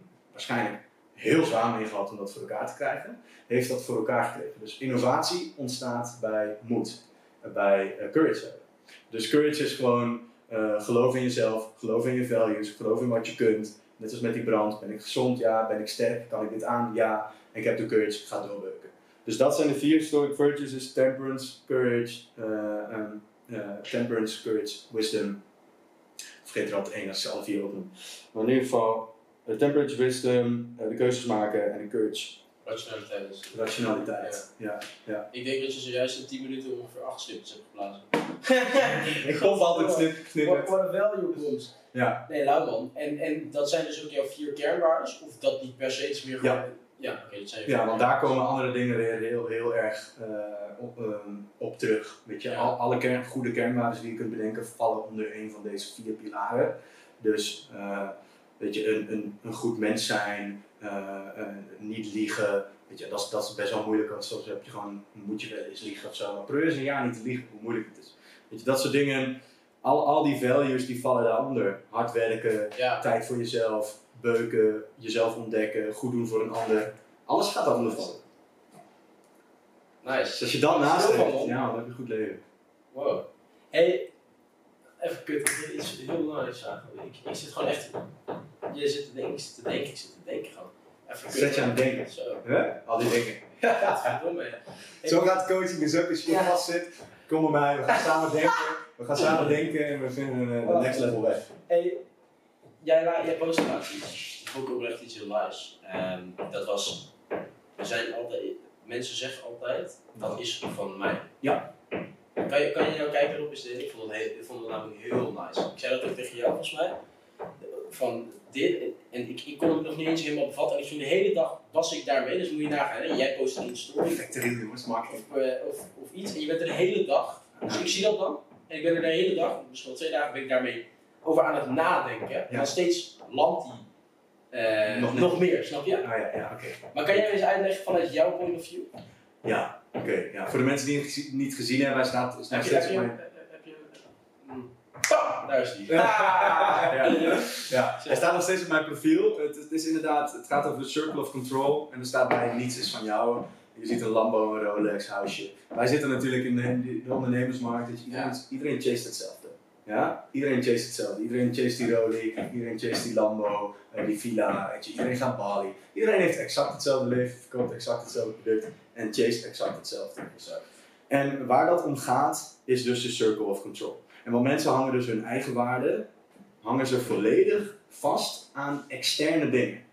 En dat is dus een hele gevaarlijke bed eigenlijk. Als jij denkt van, eh, eh, ik, ik, voel me goed, dat je je goed voelt door je Rolex. Als je Rolex dus gejat wordt, dan voel je je dus niet meer goed. Of je huis, of je dat allemaal niet meer hebt. Dus de Stoïcijnse filosofie die gaat daarin op je circle of control.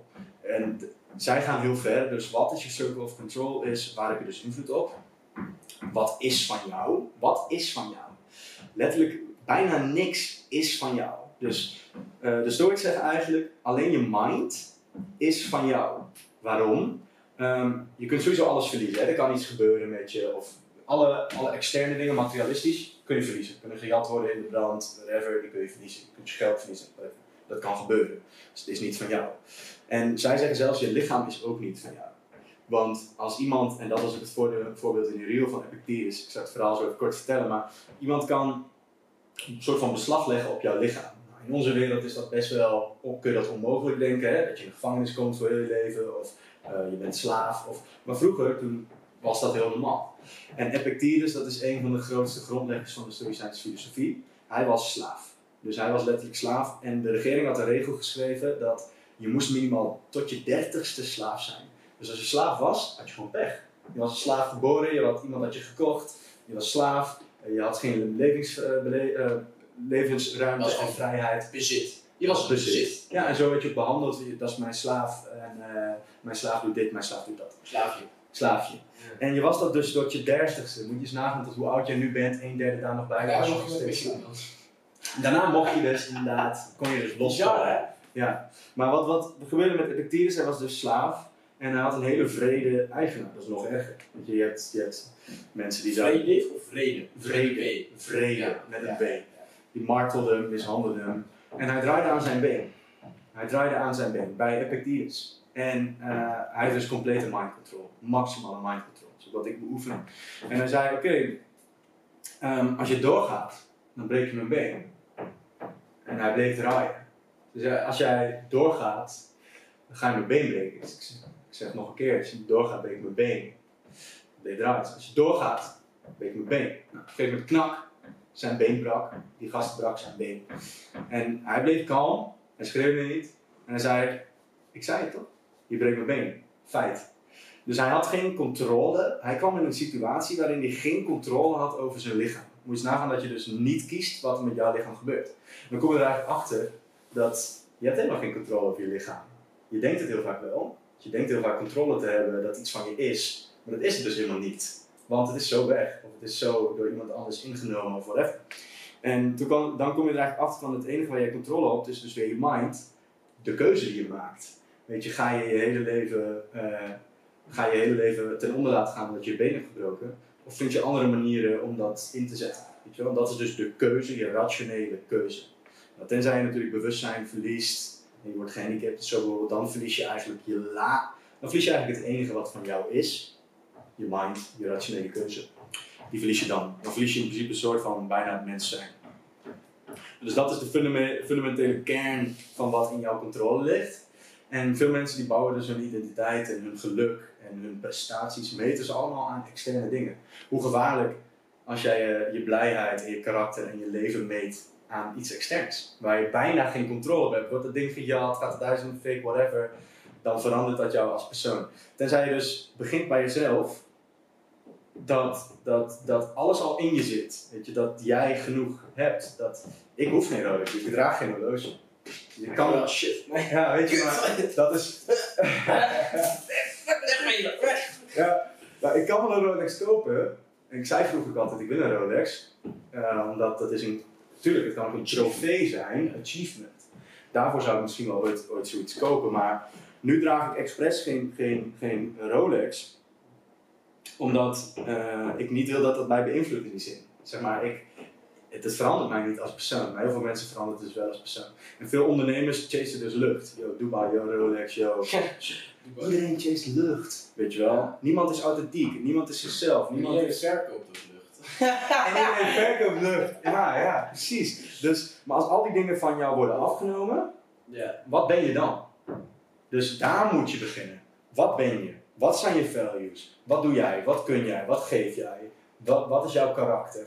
En ik, om dat dit nog misschien beter uit te leggen is, ik had er best wel een leuke ingeving afgelopen week. Is ik, ik ga veel, wij gaan allebei met die ondernemers om die in dat wereldje zitten. Dus die, iedereen heeft een Rolex. Iedereen eh, heeft hier eens over of die landen of die AMG. Iedereen woont in Dubai of Bali, weet je wel. Dus de stand, dat is de standaard.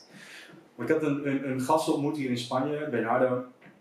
In hele korte tijd hele goede vrienden mee geworden. Toen kwam ik achter, ik heb Bernardo alleen nog maar gezien in blote buik, op blote voeten, met een zwembroek aan. Bij Want- W.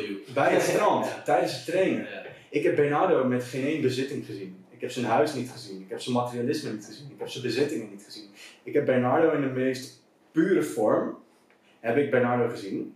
En ik dacht, die gast, daar heb ik zo'n klik mee. Hij is zo'n aardige gozer. Weet je. Ik, ik hou echt van hem. Ik vind hem, het is zo'n chille gast. En toen was ik aan het vergelijken van, wow, je hebt dus letterlijk niks nodig, externs, om te zijn wie je bent. Weet je. wel. Dus dat gaat ook een stukje over karakter en identiteit. Is, hij is zo puur. En dan kom je echt op een niveau dat je als mens connect met elkaar echt vanuit puurheid. En dan is dat hele stukje om van, ik heb wel een Rolex en jij nog niet, dus jouw business gaat vast slechter dan die van mij. Dat hele stukje is eruit, weet je wel. Ja. Dus als al die dingen wegvallen, wie ben je dan? Dus dat gaat puur om terug naar de kern. Dus ja, en dat is ook kut in zo'n reel. Is je hebt een minuut of anderhalf minuut en je Ja. zegt iets en je hebt veel meer nodig om mensen het hele punt te laten snappen. En je krijgt Een serie van vijf deals. een serie van vijf reels. Ik krijg ook veel haters op TikTok en Insta van, Ja, ja, ja. Ik, van, ik zie daar van, van, wat een bizar persoon. ja, eh, mensen snappen het niet. Maar het- ik vond dat dat, is oké. ik, eh, ik, ik vind dat altijd zoiets bijzonders. Dat eh, wanneer je zeg maar haat projecteert op iemand. hè, Letterlijk een project, eh, het is gewoon een projectie van eigenlijk hun onzekerheid op het basis van dat jij hun worldview aan het bedreigen bent. Niets meer, niets minder. Ja. Maar ja, leg dat maar eens even uit aan de massa. Ja, ja, leg dat maar eens uit. Maar ik zag dat dus, eh, gisteren was dat volgens mij vandaag. Ja, zo, gisteren, vandaag, ja. Gewoon iemand die gewoon op al jouw stories had gereageerd. Van aan, weet ik veel, dikzak tot aan, eh, wa- wat een nare gast ben jij. Ik word echt misselijk van gasten. Terwijl ik denk, ik kan me dat wel voorstellen dat je dat bij, bij bepaalde mensen doet. Maar bij jou snap ik dat Ja, oprecht niet. ja, Wat, wat, wat- wie doe jij nou eh, vlieg kwaad? Ik weet niet waar het vandaan komt. Gewoon een beetje aan het sporten en je filmt dat. dat Ja, is ja. Maar ik zeg natuurlijk wel, kijk, met die, met die stoïcijnse dingen zeg ik natuurlijk best wel dingen die, ehm, die als je dat niet snapt of als je dat Ja. niet begrijpt of je kunt dat niet begrijpen. Heel veel mensen hebben ook niet het bewustzijnsniveau of het level Nee, om dat te dat is begrijpen. het ook wel, hè? Nog niet. Dan, is dat, eh, dan kan je dat misschien best wel als extremistisch bewaren, dus die, eh, ervaren. Dus die reel van mijn huis, ik zeg, joh, mijn huis brandt. Je, je, je grootste tegenslagen zijn je biggest wins. Mijn huis brandt af, dat was precies wat ik nodig had, dat is mijn biggest win. Ja, als jij dat niet in je mind kunt denken van, maar hoe zou dat dan een win kunnen zijn? Wat kan iemand eruit halen? Hoe verandert dat je karakter? Hoe geeft dat je skills? Hoe geeft dat... Maar als je alleen wat maar was ziet dat precies dan? op mijn huis... Reel erin zo? Ik, ik, weet- ik weet niet waar je het nu over hebt, man. Ja, ja die, die, die, dat, huis, dat, dat mijn huis dus af was... Ik had een reel gepost. Ja, van je, je, je, je zwaarste tegenslagen ja, zijn je biggest wins. Dus ja. je zwaarste tegenslagen vormen je. Exact. Toen vertelde ik over mijn huis. Mijn huis was afgebrand en eh, dat ik daar echt van genoot. Dat mijn huis afbrandde en, en eh, dat, dat, mij, dat ik dat nodig had als persoon. Ik had die brand nodig om naar het next level te gaan. Omdat dat is mijn belief. Ik geloof dat zo'n zo'n struggle zo groot als dat, dat, dat, dat, dat je dus eh, dat, dat je heel veel leert. Dat je dat nodig hebt om verder te gaan. Dus dat je daardoor de skills nodig hebt. ik zal nu maar gewoon waar we net over hadden. Wat we besproken hebben. Als jij dat niet kan begrijpen dat eh, wanneer een huis afbrandt, dat dat positief is. Of als jij in je mind Dat dat positief kan zijn. letterlijk niet kunt bedenken dat iemand verliest zijn huis. Of eh, misschien heeft hij zelf wel eens zijn huis verloren of familie. Want ik kreeg ook een DM van, yo bro, ehm, ik vind je een hele goede gast. Maar wat je nu zegt gaat echt ver. En dat is dan personal situation dat een familie een keer een brand of zo heeft gehad. Tuurlijk, heel erg. Maar voor mij als persoon, als, Ja. eh, die, die rationele keuzes maakt en daar op die manier naar kijkt, kan ik dus zeggen dat het voor mij, dat ik dat nodig heb en dat dat mijn biggest win is. Maar als je dat dus niet kunt, dan kan ik begrijpen dat je dat hoort en denkt, wat de fuck is dit voor mafkees die zegt, zijn huis brandt af en je huis afbranden is het beste wat je kan gebeuren. Maar, maar wat gebeurde dan? Eh, honderden comments of zo? Of, of Ja, gewoon comments op TikTok, eh, ne- Ging dat neoliberale, va- breinrot. eh, ging dat helemaal viraal dan? nee, maar dat was wel tot nu toe... Nee, nee, ik ben net begonnen op TikTok, dus Ah, weet ik veel, 5 of 10 comments of zo. Dus nee, haters heb je altijd. Ik, ik ga nu ook veel meer van dat soort reels posten, gewoon mijn eigen visie erop. Dus ik ga superveel haters krijgen. Maar ik denk dat dat Leuk, ook wel goed is. Maar je kan, je, kijk, haat is oprecht, haat is dus helemaal niet erg. Maar je moet wel bewust voor kiezen. Want als jij in één keer heel veel haat bent, en krijgt en je bent er niet op voorbereid, dan kan dat best Ja. wel heavy zijn. Ja. Nee, ik, ik, vanuit Stoïcijnse filosofie, omdat ja, daar, wat ik zei, daar, dat merk je dus ook wel, daar leef ik dus heel erg uit. Ja. Die principles en die principes gebruik ik. Eh, geloof ook eigenlijk van dat iemand jou kwaad doet, dat iemand jou kwaad doet, in dit geval dus haat, is nooit bewust. Want hij heeft letterlijk niet het bewustzijnsniveau om te kunnen realis- realiseren dat dat dus niet goed is. Weet je, dus als iemand jou iets kwaad doet, is dat dus eigenlijk nooit expres. En de Stoic leeft dus eigenlijk met 100% acceptatie en vergeving. Zelfs voor de mensen die jou haten. Want de Stoic denkt, yo, what's good for the bee is good for the hive. We hebben elkaar allemaal nodig. We zijn op één planeet. Dus je, alle organismen hebben elkaar nodig. Dat was ook mijn reactie op die haten. Van, weet je bro, ik hou ook van jou. Weet je, Ja. we, hebben elkaar, we hebben elkaar nodig. Weet je eh, die jongen heeft gewoon knuffel nodig. Ja. Hij snapt het gewoon nog niet. Komt wel. Dus dat, dat, dat voel ik niks, weet je wel. Dat heeft geen impact op mij. Omdat ik heb daar een hele sterke visie. en Een hele sterke eh, eh, eh, regel op. Dat ik gewoon denk, ja, het is zijn onbewustheid dat hij zich zo gedraagt. Ja, maar het is, het is ook vaak miscommunicatie. Want mensen, sn- Ja, man. inderdaad wat jij zegt, mensen snappen het niet. Ik postte laatst iets Ja. over dat ik vroeger altijd bij de Albert Heijn stilde. Nou, dat, dat zeg ik niet dat ik daar trots op ben. Ik, of zo, weet je Maar, heeft context nodig, toch? Nee, nee, dus ik, ik legde helemaal uit van, hè, maar, maar al mijn vrienden die deden dat dan in hun zakken of in hun, in hun broek zo verstoppen of in hun jaszak, weet je. Maar ik, ik liep gewoon altijd met die spullen in mijn handen, heel normaal gewoon die winkel uit. Want ik, ik snapte, en dit is het ding, ik snapte dat leven is een spiegel. Dat begreep ik onbewust toen al. Ja. Dus als ik daar loop alsof dat normaal is, dan is dat het. Punt. Ja, dat is echt. Ja. En eh, zo is dat met alles. En dat legde ik toen dus uit met dat grappige verhaal. Met een clown-emoji van vroeger. Dus ik deed eerst, vroeger stilde ik altijd bij de Albert Heijn. Met een clown-emoji van, dit slaat natuurlijk nu nergens ben op. ik top G. Nee. nu ben ik top G! Ja. Nee, en toen leg, eh, zeg maar, legde ik dat hele verhaal uit. Weet je, en dat is wel grappig om te re- reflecteren. En toen kreeg ik dus iemand die gewoon eh, onder mijn foto, helemaal- en mijn, mijn 4 DM stuurde, onder mijn foto ging reageren. Ja, en jij bent een narcistische gast die Ja. stelen zit te verheerlijken. Ik hoop dat je onder een bus belandt. Ja, ja. Wat? Ja. Hè? ja. Onder een bus? Dus, en, en, maar hij snapt dan niet wat ik bedoel. Hij denkt Nee. gewoon, oh, dit is gewoon zo'n naar gas. Het is En weer zo'n diefje. dit, nee, wacht. Dit is even real. Naar jou. Hey, you just need a hug, bro. Ja, ja, ja, ja, ja. Maar, eh, eh, en, en, en, en dan denk ik van, ja, weet je, laat het ook lekker gaan inderdaad. Het is gewoon miscommunicatie. En misschien ook, hè, wij denken, en laten we heel eerlijk zijn, we denken, weet je, oh, wij snappen het, weet je, en zij nog niet. Maar misschien is het andersom wel. Vanuit hun worldview is het, wij ja. snappen het niet en zij snappen Dus precies. het is daar niks in. Er is geen Ja. dom of slim. Het heeft met geloof te maken, wat je gelooft. Exact. Ja. Waar ik even nog op terug wilde, ik, het thema is natuurlijk diepe dalen, hoge pieken. En wat ik altijd doe, ik reflecteer op de jeugd. Ja. Daarna van hè, hoe dat zo gelopen is, in het piek waar die nu zit, kan ik wel over jou zeggen. En eh, gewoon, een- wij hebben natuurlijk heel veel over jouw worldview gehad en zo. Maar waar gaat het naartoe? Waar gaat het naartoe? Of leef jij heel erg dag van dag? Want dat zie ik wel, als ik je zo hoor praten, zie ik dat wel voor me, zeg maar. Maar waar, waar gaat het naartoe een beetje, qua business-wise? Hè, je Ja. zit natuurlijk, we hebben het al van tevoren over gehad, je zit natuurlijk in een niche wat in Nederland niet ontzettend groot is. Ehm, hoe, hoe wil je dat gaan aanpakken? Ik ben heel erg benieuwd, man. Ik denk dat, jij hebt dat, heb je er iets over klaar liggen? Ja, ja, ja. Ik, ik sowieso leef, leef ik inderdaad best wel Ja. heel erg in het nu, want ik wil gewoon altijd elke dag het alles geven en het beste werk creëren. En sowieso geloof ik ook wel in, je moet wel een, een, een, een future vision hebben of iets waar je naartoe gaat. En een end goal, dat kan je ook maken, want dan kan je reverse engineeren. Dus al die principes, ehm, ik, ik ken ze, ik gebruik ze niet heel erg. En ja, weet je, ik heb gewoon gemerkt hoeveel je kan veranderen in, in een bepaalde tijd als persoon, als, maar ook met je business en je ideeën en je, je visie van de wereld en letterlijk wat je denkt. Dus ik, daar, daarin plan ik niet te ver vooruit. Maar sowieso met LiveLab uh, toonaangevend worden in Nederland. En nu doen we dat voor ondernemers. Defineer toonaangevend. Toonaangevend is gewoon dat je, dat je als je mentaal en fysiek onbreekbaar wil worden, je wil veel betere versie van jezelf worden, dat je dan, dat je dan als eerste aan Live Lab denkt, weet je wel? Dus jij mensen- eigenlijk gewoon in de mindset van iedereen. Ja, man. En, en, en eh, wat ik zei in het begin is, ik heb ervaren dat met deze. Ik heb dus een set van regels voor mezelf waarmee ik leef. En ik heb een bepaald mechanisme en mijn non-negotiables die ik altijd uitvoer. Waardoor ik dus in high performance kom. En waardoor ik dus heel energiek en gelukkig en bewust leef. Dus ik creëer een versie van mezelf. eh, Wat ik al zei, dat, dat is de next level, weet je. En dat Ja. voelt goed. En dat gun ik anderen. En ik weet dat er veel meer is voor andere mensen. Dus daarin mensen helpen geeft me heel veel voldoening. Uh, dus dat uh, op big scale. Um, met, met LiveLab. Dus daarin toonaangevend worden in Nederland. En uh, weet je, events doen, toffe dingen doen, uit de comfortzone. Uh, elkaar beter maken, elkaar helpen. En, en mensen een andere visie geven, want het kan anders, weet je wel. Dus dat is het doel met LiveLab. Waar dat eindigt, I don't know. Weet je, misschien uh, denk ik over drie jaar, het moet anders, ik trek de stekker eruit. Waar dat eindigt, I don't know. Maar ik, ik ben all in, ik ga all in. Weet je, Jork is all in, iedereen is all in. En we hebben, we hebben supersterke producten, supersterke delivery, supersterk team. We hebben supersterke visie.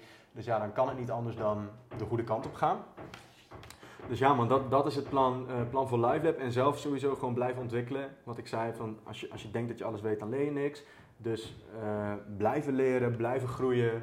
En ik ben gewoon vooral enthousiast voor de toekomst. Omdat ik weet wat er nog niet komt. Maar ik wel weet dat ik de juiste values en de juiste acties doe. Dat kan alleen maar massive zijn. Mag je ongevraagd advies geven? Ja? Ga door met wat we vandaag hebben gedaan. Ja, ja. Dat, dat siertje, zeg maar, je ziet het letterlijk, je leeft op als je het praten, je, je ogen zijn letterlijk aan het sprunkelen. Dat, dat stoïcijnse, de, de hele values, daar moet je op doorgaan, man. Dat, dat is echt fucking sick. Oprecht, ik Ja. denk dat je daar echt, daar kan je toonaangevend in worden in Nederland. Ja, ja. Dat is echt leuk. Ja, en het mooie is, is, dat is dus grappig. Mensen denken altijd dat alles uniek is. Of dat, hey, ik heb dit meegemaakt, niemand heeft dit meegemaakt. We hebben het over die struggles gehad, die Ja. pedalen. Iedereen heeft zijn eigen verhaal. Of eh, COVID, wat erg. Wow, pandemie, wat erg joh, COVID, zo erg. Grappig is dus, dat is dus mooi met Stoïcijnse filosofie, is leeg. is dus... Kan ik niks aan doen. Het, feit, het is leeg. het is leeg, het is leeg. Eh, alles is... Het is in principe cyclisch. Dus die Stoïcijnse filosofie, dat is 2,5 jaar geleden al, 2.500 jaar geleden al Ja. bedacht. Dat is de wisdom. De wisdom. en het is nog steeds, De Stone Age. dus, ja, het is, en het is nog steeds relevant voor nu. Dus dat is, dat is dus, eh, net als dat de ijskappen smelten. We denken, wow, shit, eh, de ijskappen smelten. Dat is alweer niet x hoe vaak keer gebeurt. Ja. Want alles, alles is cyclisch. Dus niks is bijzonder. En na jou komt er weer iemand anders. En jij bent niet bijzonder. Weet je? Dus dat, dat, dat zijn Oh. dingen. Maar dat is dus. Die, die, teachings van die Stoïcijnse filosofie die zijn dus gewoon al 2500 jaar oud. Wat ik dus ook vertel is dus niks nieuws. Weet je, wat ik meemaak, wat jij meemaakt, heeft anderen ook meegemaakt. Misschien nog wel erger. Weet je, dus. En, en dat is ook een beetje een dingetje waar we denken van af moeten. Iedereen zit nu in die slachtoffercultuur. Denkt allemaal, iedereen denkt dat hij bijzonder is. En dat hij van alles heeft meegemaakt. Maar moeten we dat, dat bewustzijn hoor. Ja, Want ja. iedereen, dit is, is misschien wel een leuke.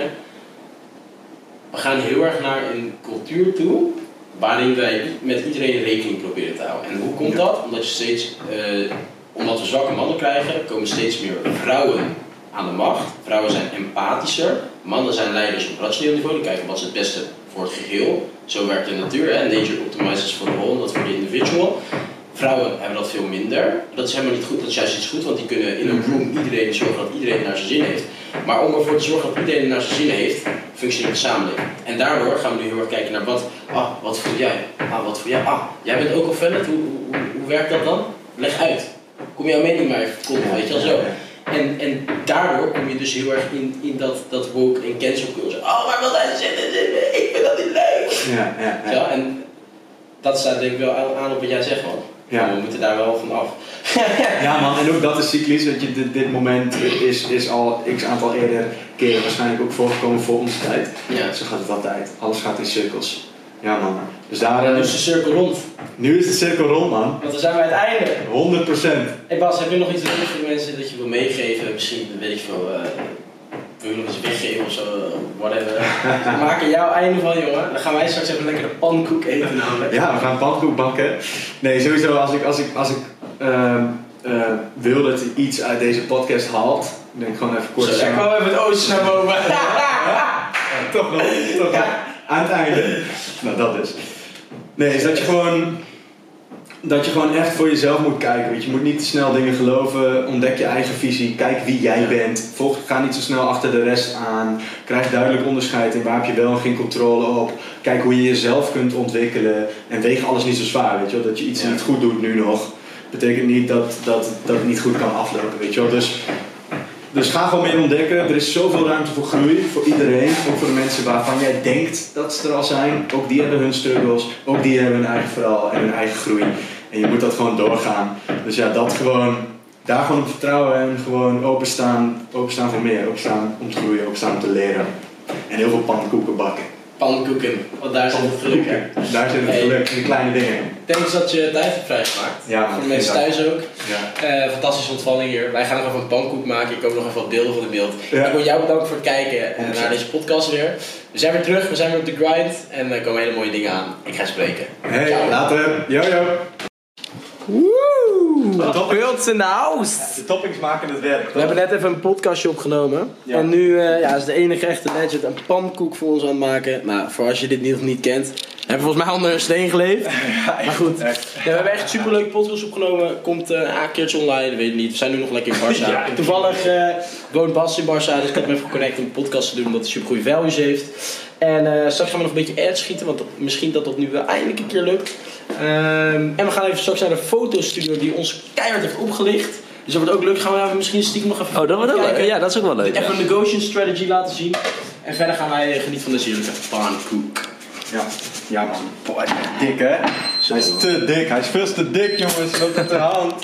Oh, oh, oh, We moeten even, ehm, we hebben een kleine obstacle, hij is, hij is dikker dan dit- ooit. Nee, maar de obstacle, wat, wat Daarom, is dat? de obstacle is the way. Dus dit heb ik, dit, dit, hier moeten we even een nieuwe manier van vinden. Zo. Kijk, en genieten van die uitdaging, hè? Hoe gaan we dit doen? Dat- Jezus! Er zit er een bord in een pan onder een, ja, wat zullen we zeggen, een lap beton. En ja, dit is, dit is de weg. Ja! Obstacle is altijd the way. Nu hebben we dus iets nieuws gedaan. Iets creatiefs. En Wat we hebben gedaan, we hebben een hele keukenvies gemaakt. Dat hebben we gedaan. Dat ook, maar geef het nog even en dan wordt het mooi. Dames en heren, we laten jullie zo meteen het eindresultaat zien, want dat Ja. is spullen. Ja. Wacht ik al op dit moment. Zes maanden lang wacht Ola al op de pankoek. Kijk dan toch. Zo, wat is die dik hé? Wat is De di- dit is de dikste ooit gemaakt. Zin in jongens? Ja, ik hoor Ja, ik, oprecht, het ziet er zo lekker uit. Kan je eens even vertellen aan de kijkers met nog film even dat je even vertelt wat er allemaal in zit? Ja, Bas mag even gaan vertellen wat er allemaal in zit. Ja, de pannenkoek is eigenlijk, eigenlijk gewoon hetzelfde als wat er in pannenkoekenbeslag zit. Alleen dan maak je hem dus dikker en dat gooi je gewoon in één keer in de pan. Dus er zit meel in, gewoon bloem, ehm, eh, melk, eieren. Kost wat je op bord? Ja, meel, bloem, eieren, verder veel kaneel, anijs zit er door, een beetje zout. Dan in de pan en qua toppings doe ik altijd hele laag pindakaas, eh, yoghurt of kwark. Eh, ja, er kan fruit op, er kan krusli op, veel karamelstroop, honing. Ja, dit is een reward meal. Sommigen zeggen cheat meal, maar het is zo negatief geladen. Het is een reward meal. Hé, dat is wel ziek, man. Ik heb het nooit gehoord. Reward meal. Reward meal voor ons harde werken vandaag. Eh Voor de podcast ontzettend eh, goede podcast, die jullie natuurlijk allemaal hebben Je moet ook gekeken. kijken hoe dik dit is. Dat is echt Wat niet normaal, jongen. Wacht Ja, even. daarom noem ik het pankoek. Weet je, het is meer een koek dan, dan, dan pannenkoeken. Het ziet er echt Ja, lekker het is uit. gewoon een soort, ja, cake uit een pan. Ja man. En dan gewoon, top. eh ja, koude ziek. Je moet even stop met filmen, jongen. Dat zie je Oké. aan het, eh, Nou jongens, ik heb ze dus eh, de pankoek gemaakt. Eerste momentjes, je gaat hem tasten. Boys, Er zitten zoveel ingrediënten dat ik echt niet weet wat voor smaak ik in mijn... tegelijk, tegelijk, tegelijk. Ja, dit, dit is smaaksensatie. Oké. Laat, oh, alles lekt aan alle kanten. Proost.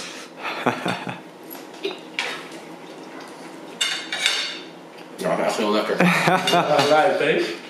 Ja, goeie shit? Ja, echt wel lekker. Je proeft ook gewoon dat dit echt een calorieënbom is. Ja, dit is een, een unit, een unit. Oké jongens, lekker jongens. Zo, die aftermath. Genieten. Sick, hè? Ik vind echt heel lekker. Nice. gewoon- Het is echt gewoon massief, man. Het is echt... Scherp stellen. Lekker jongens.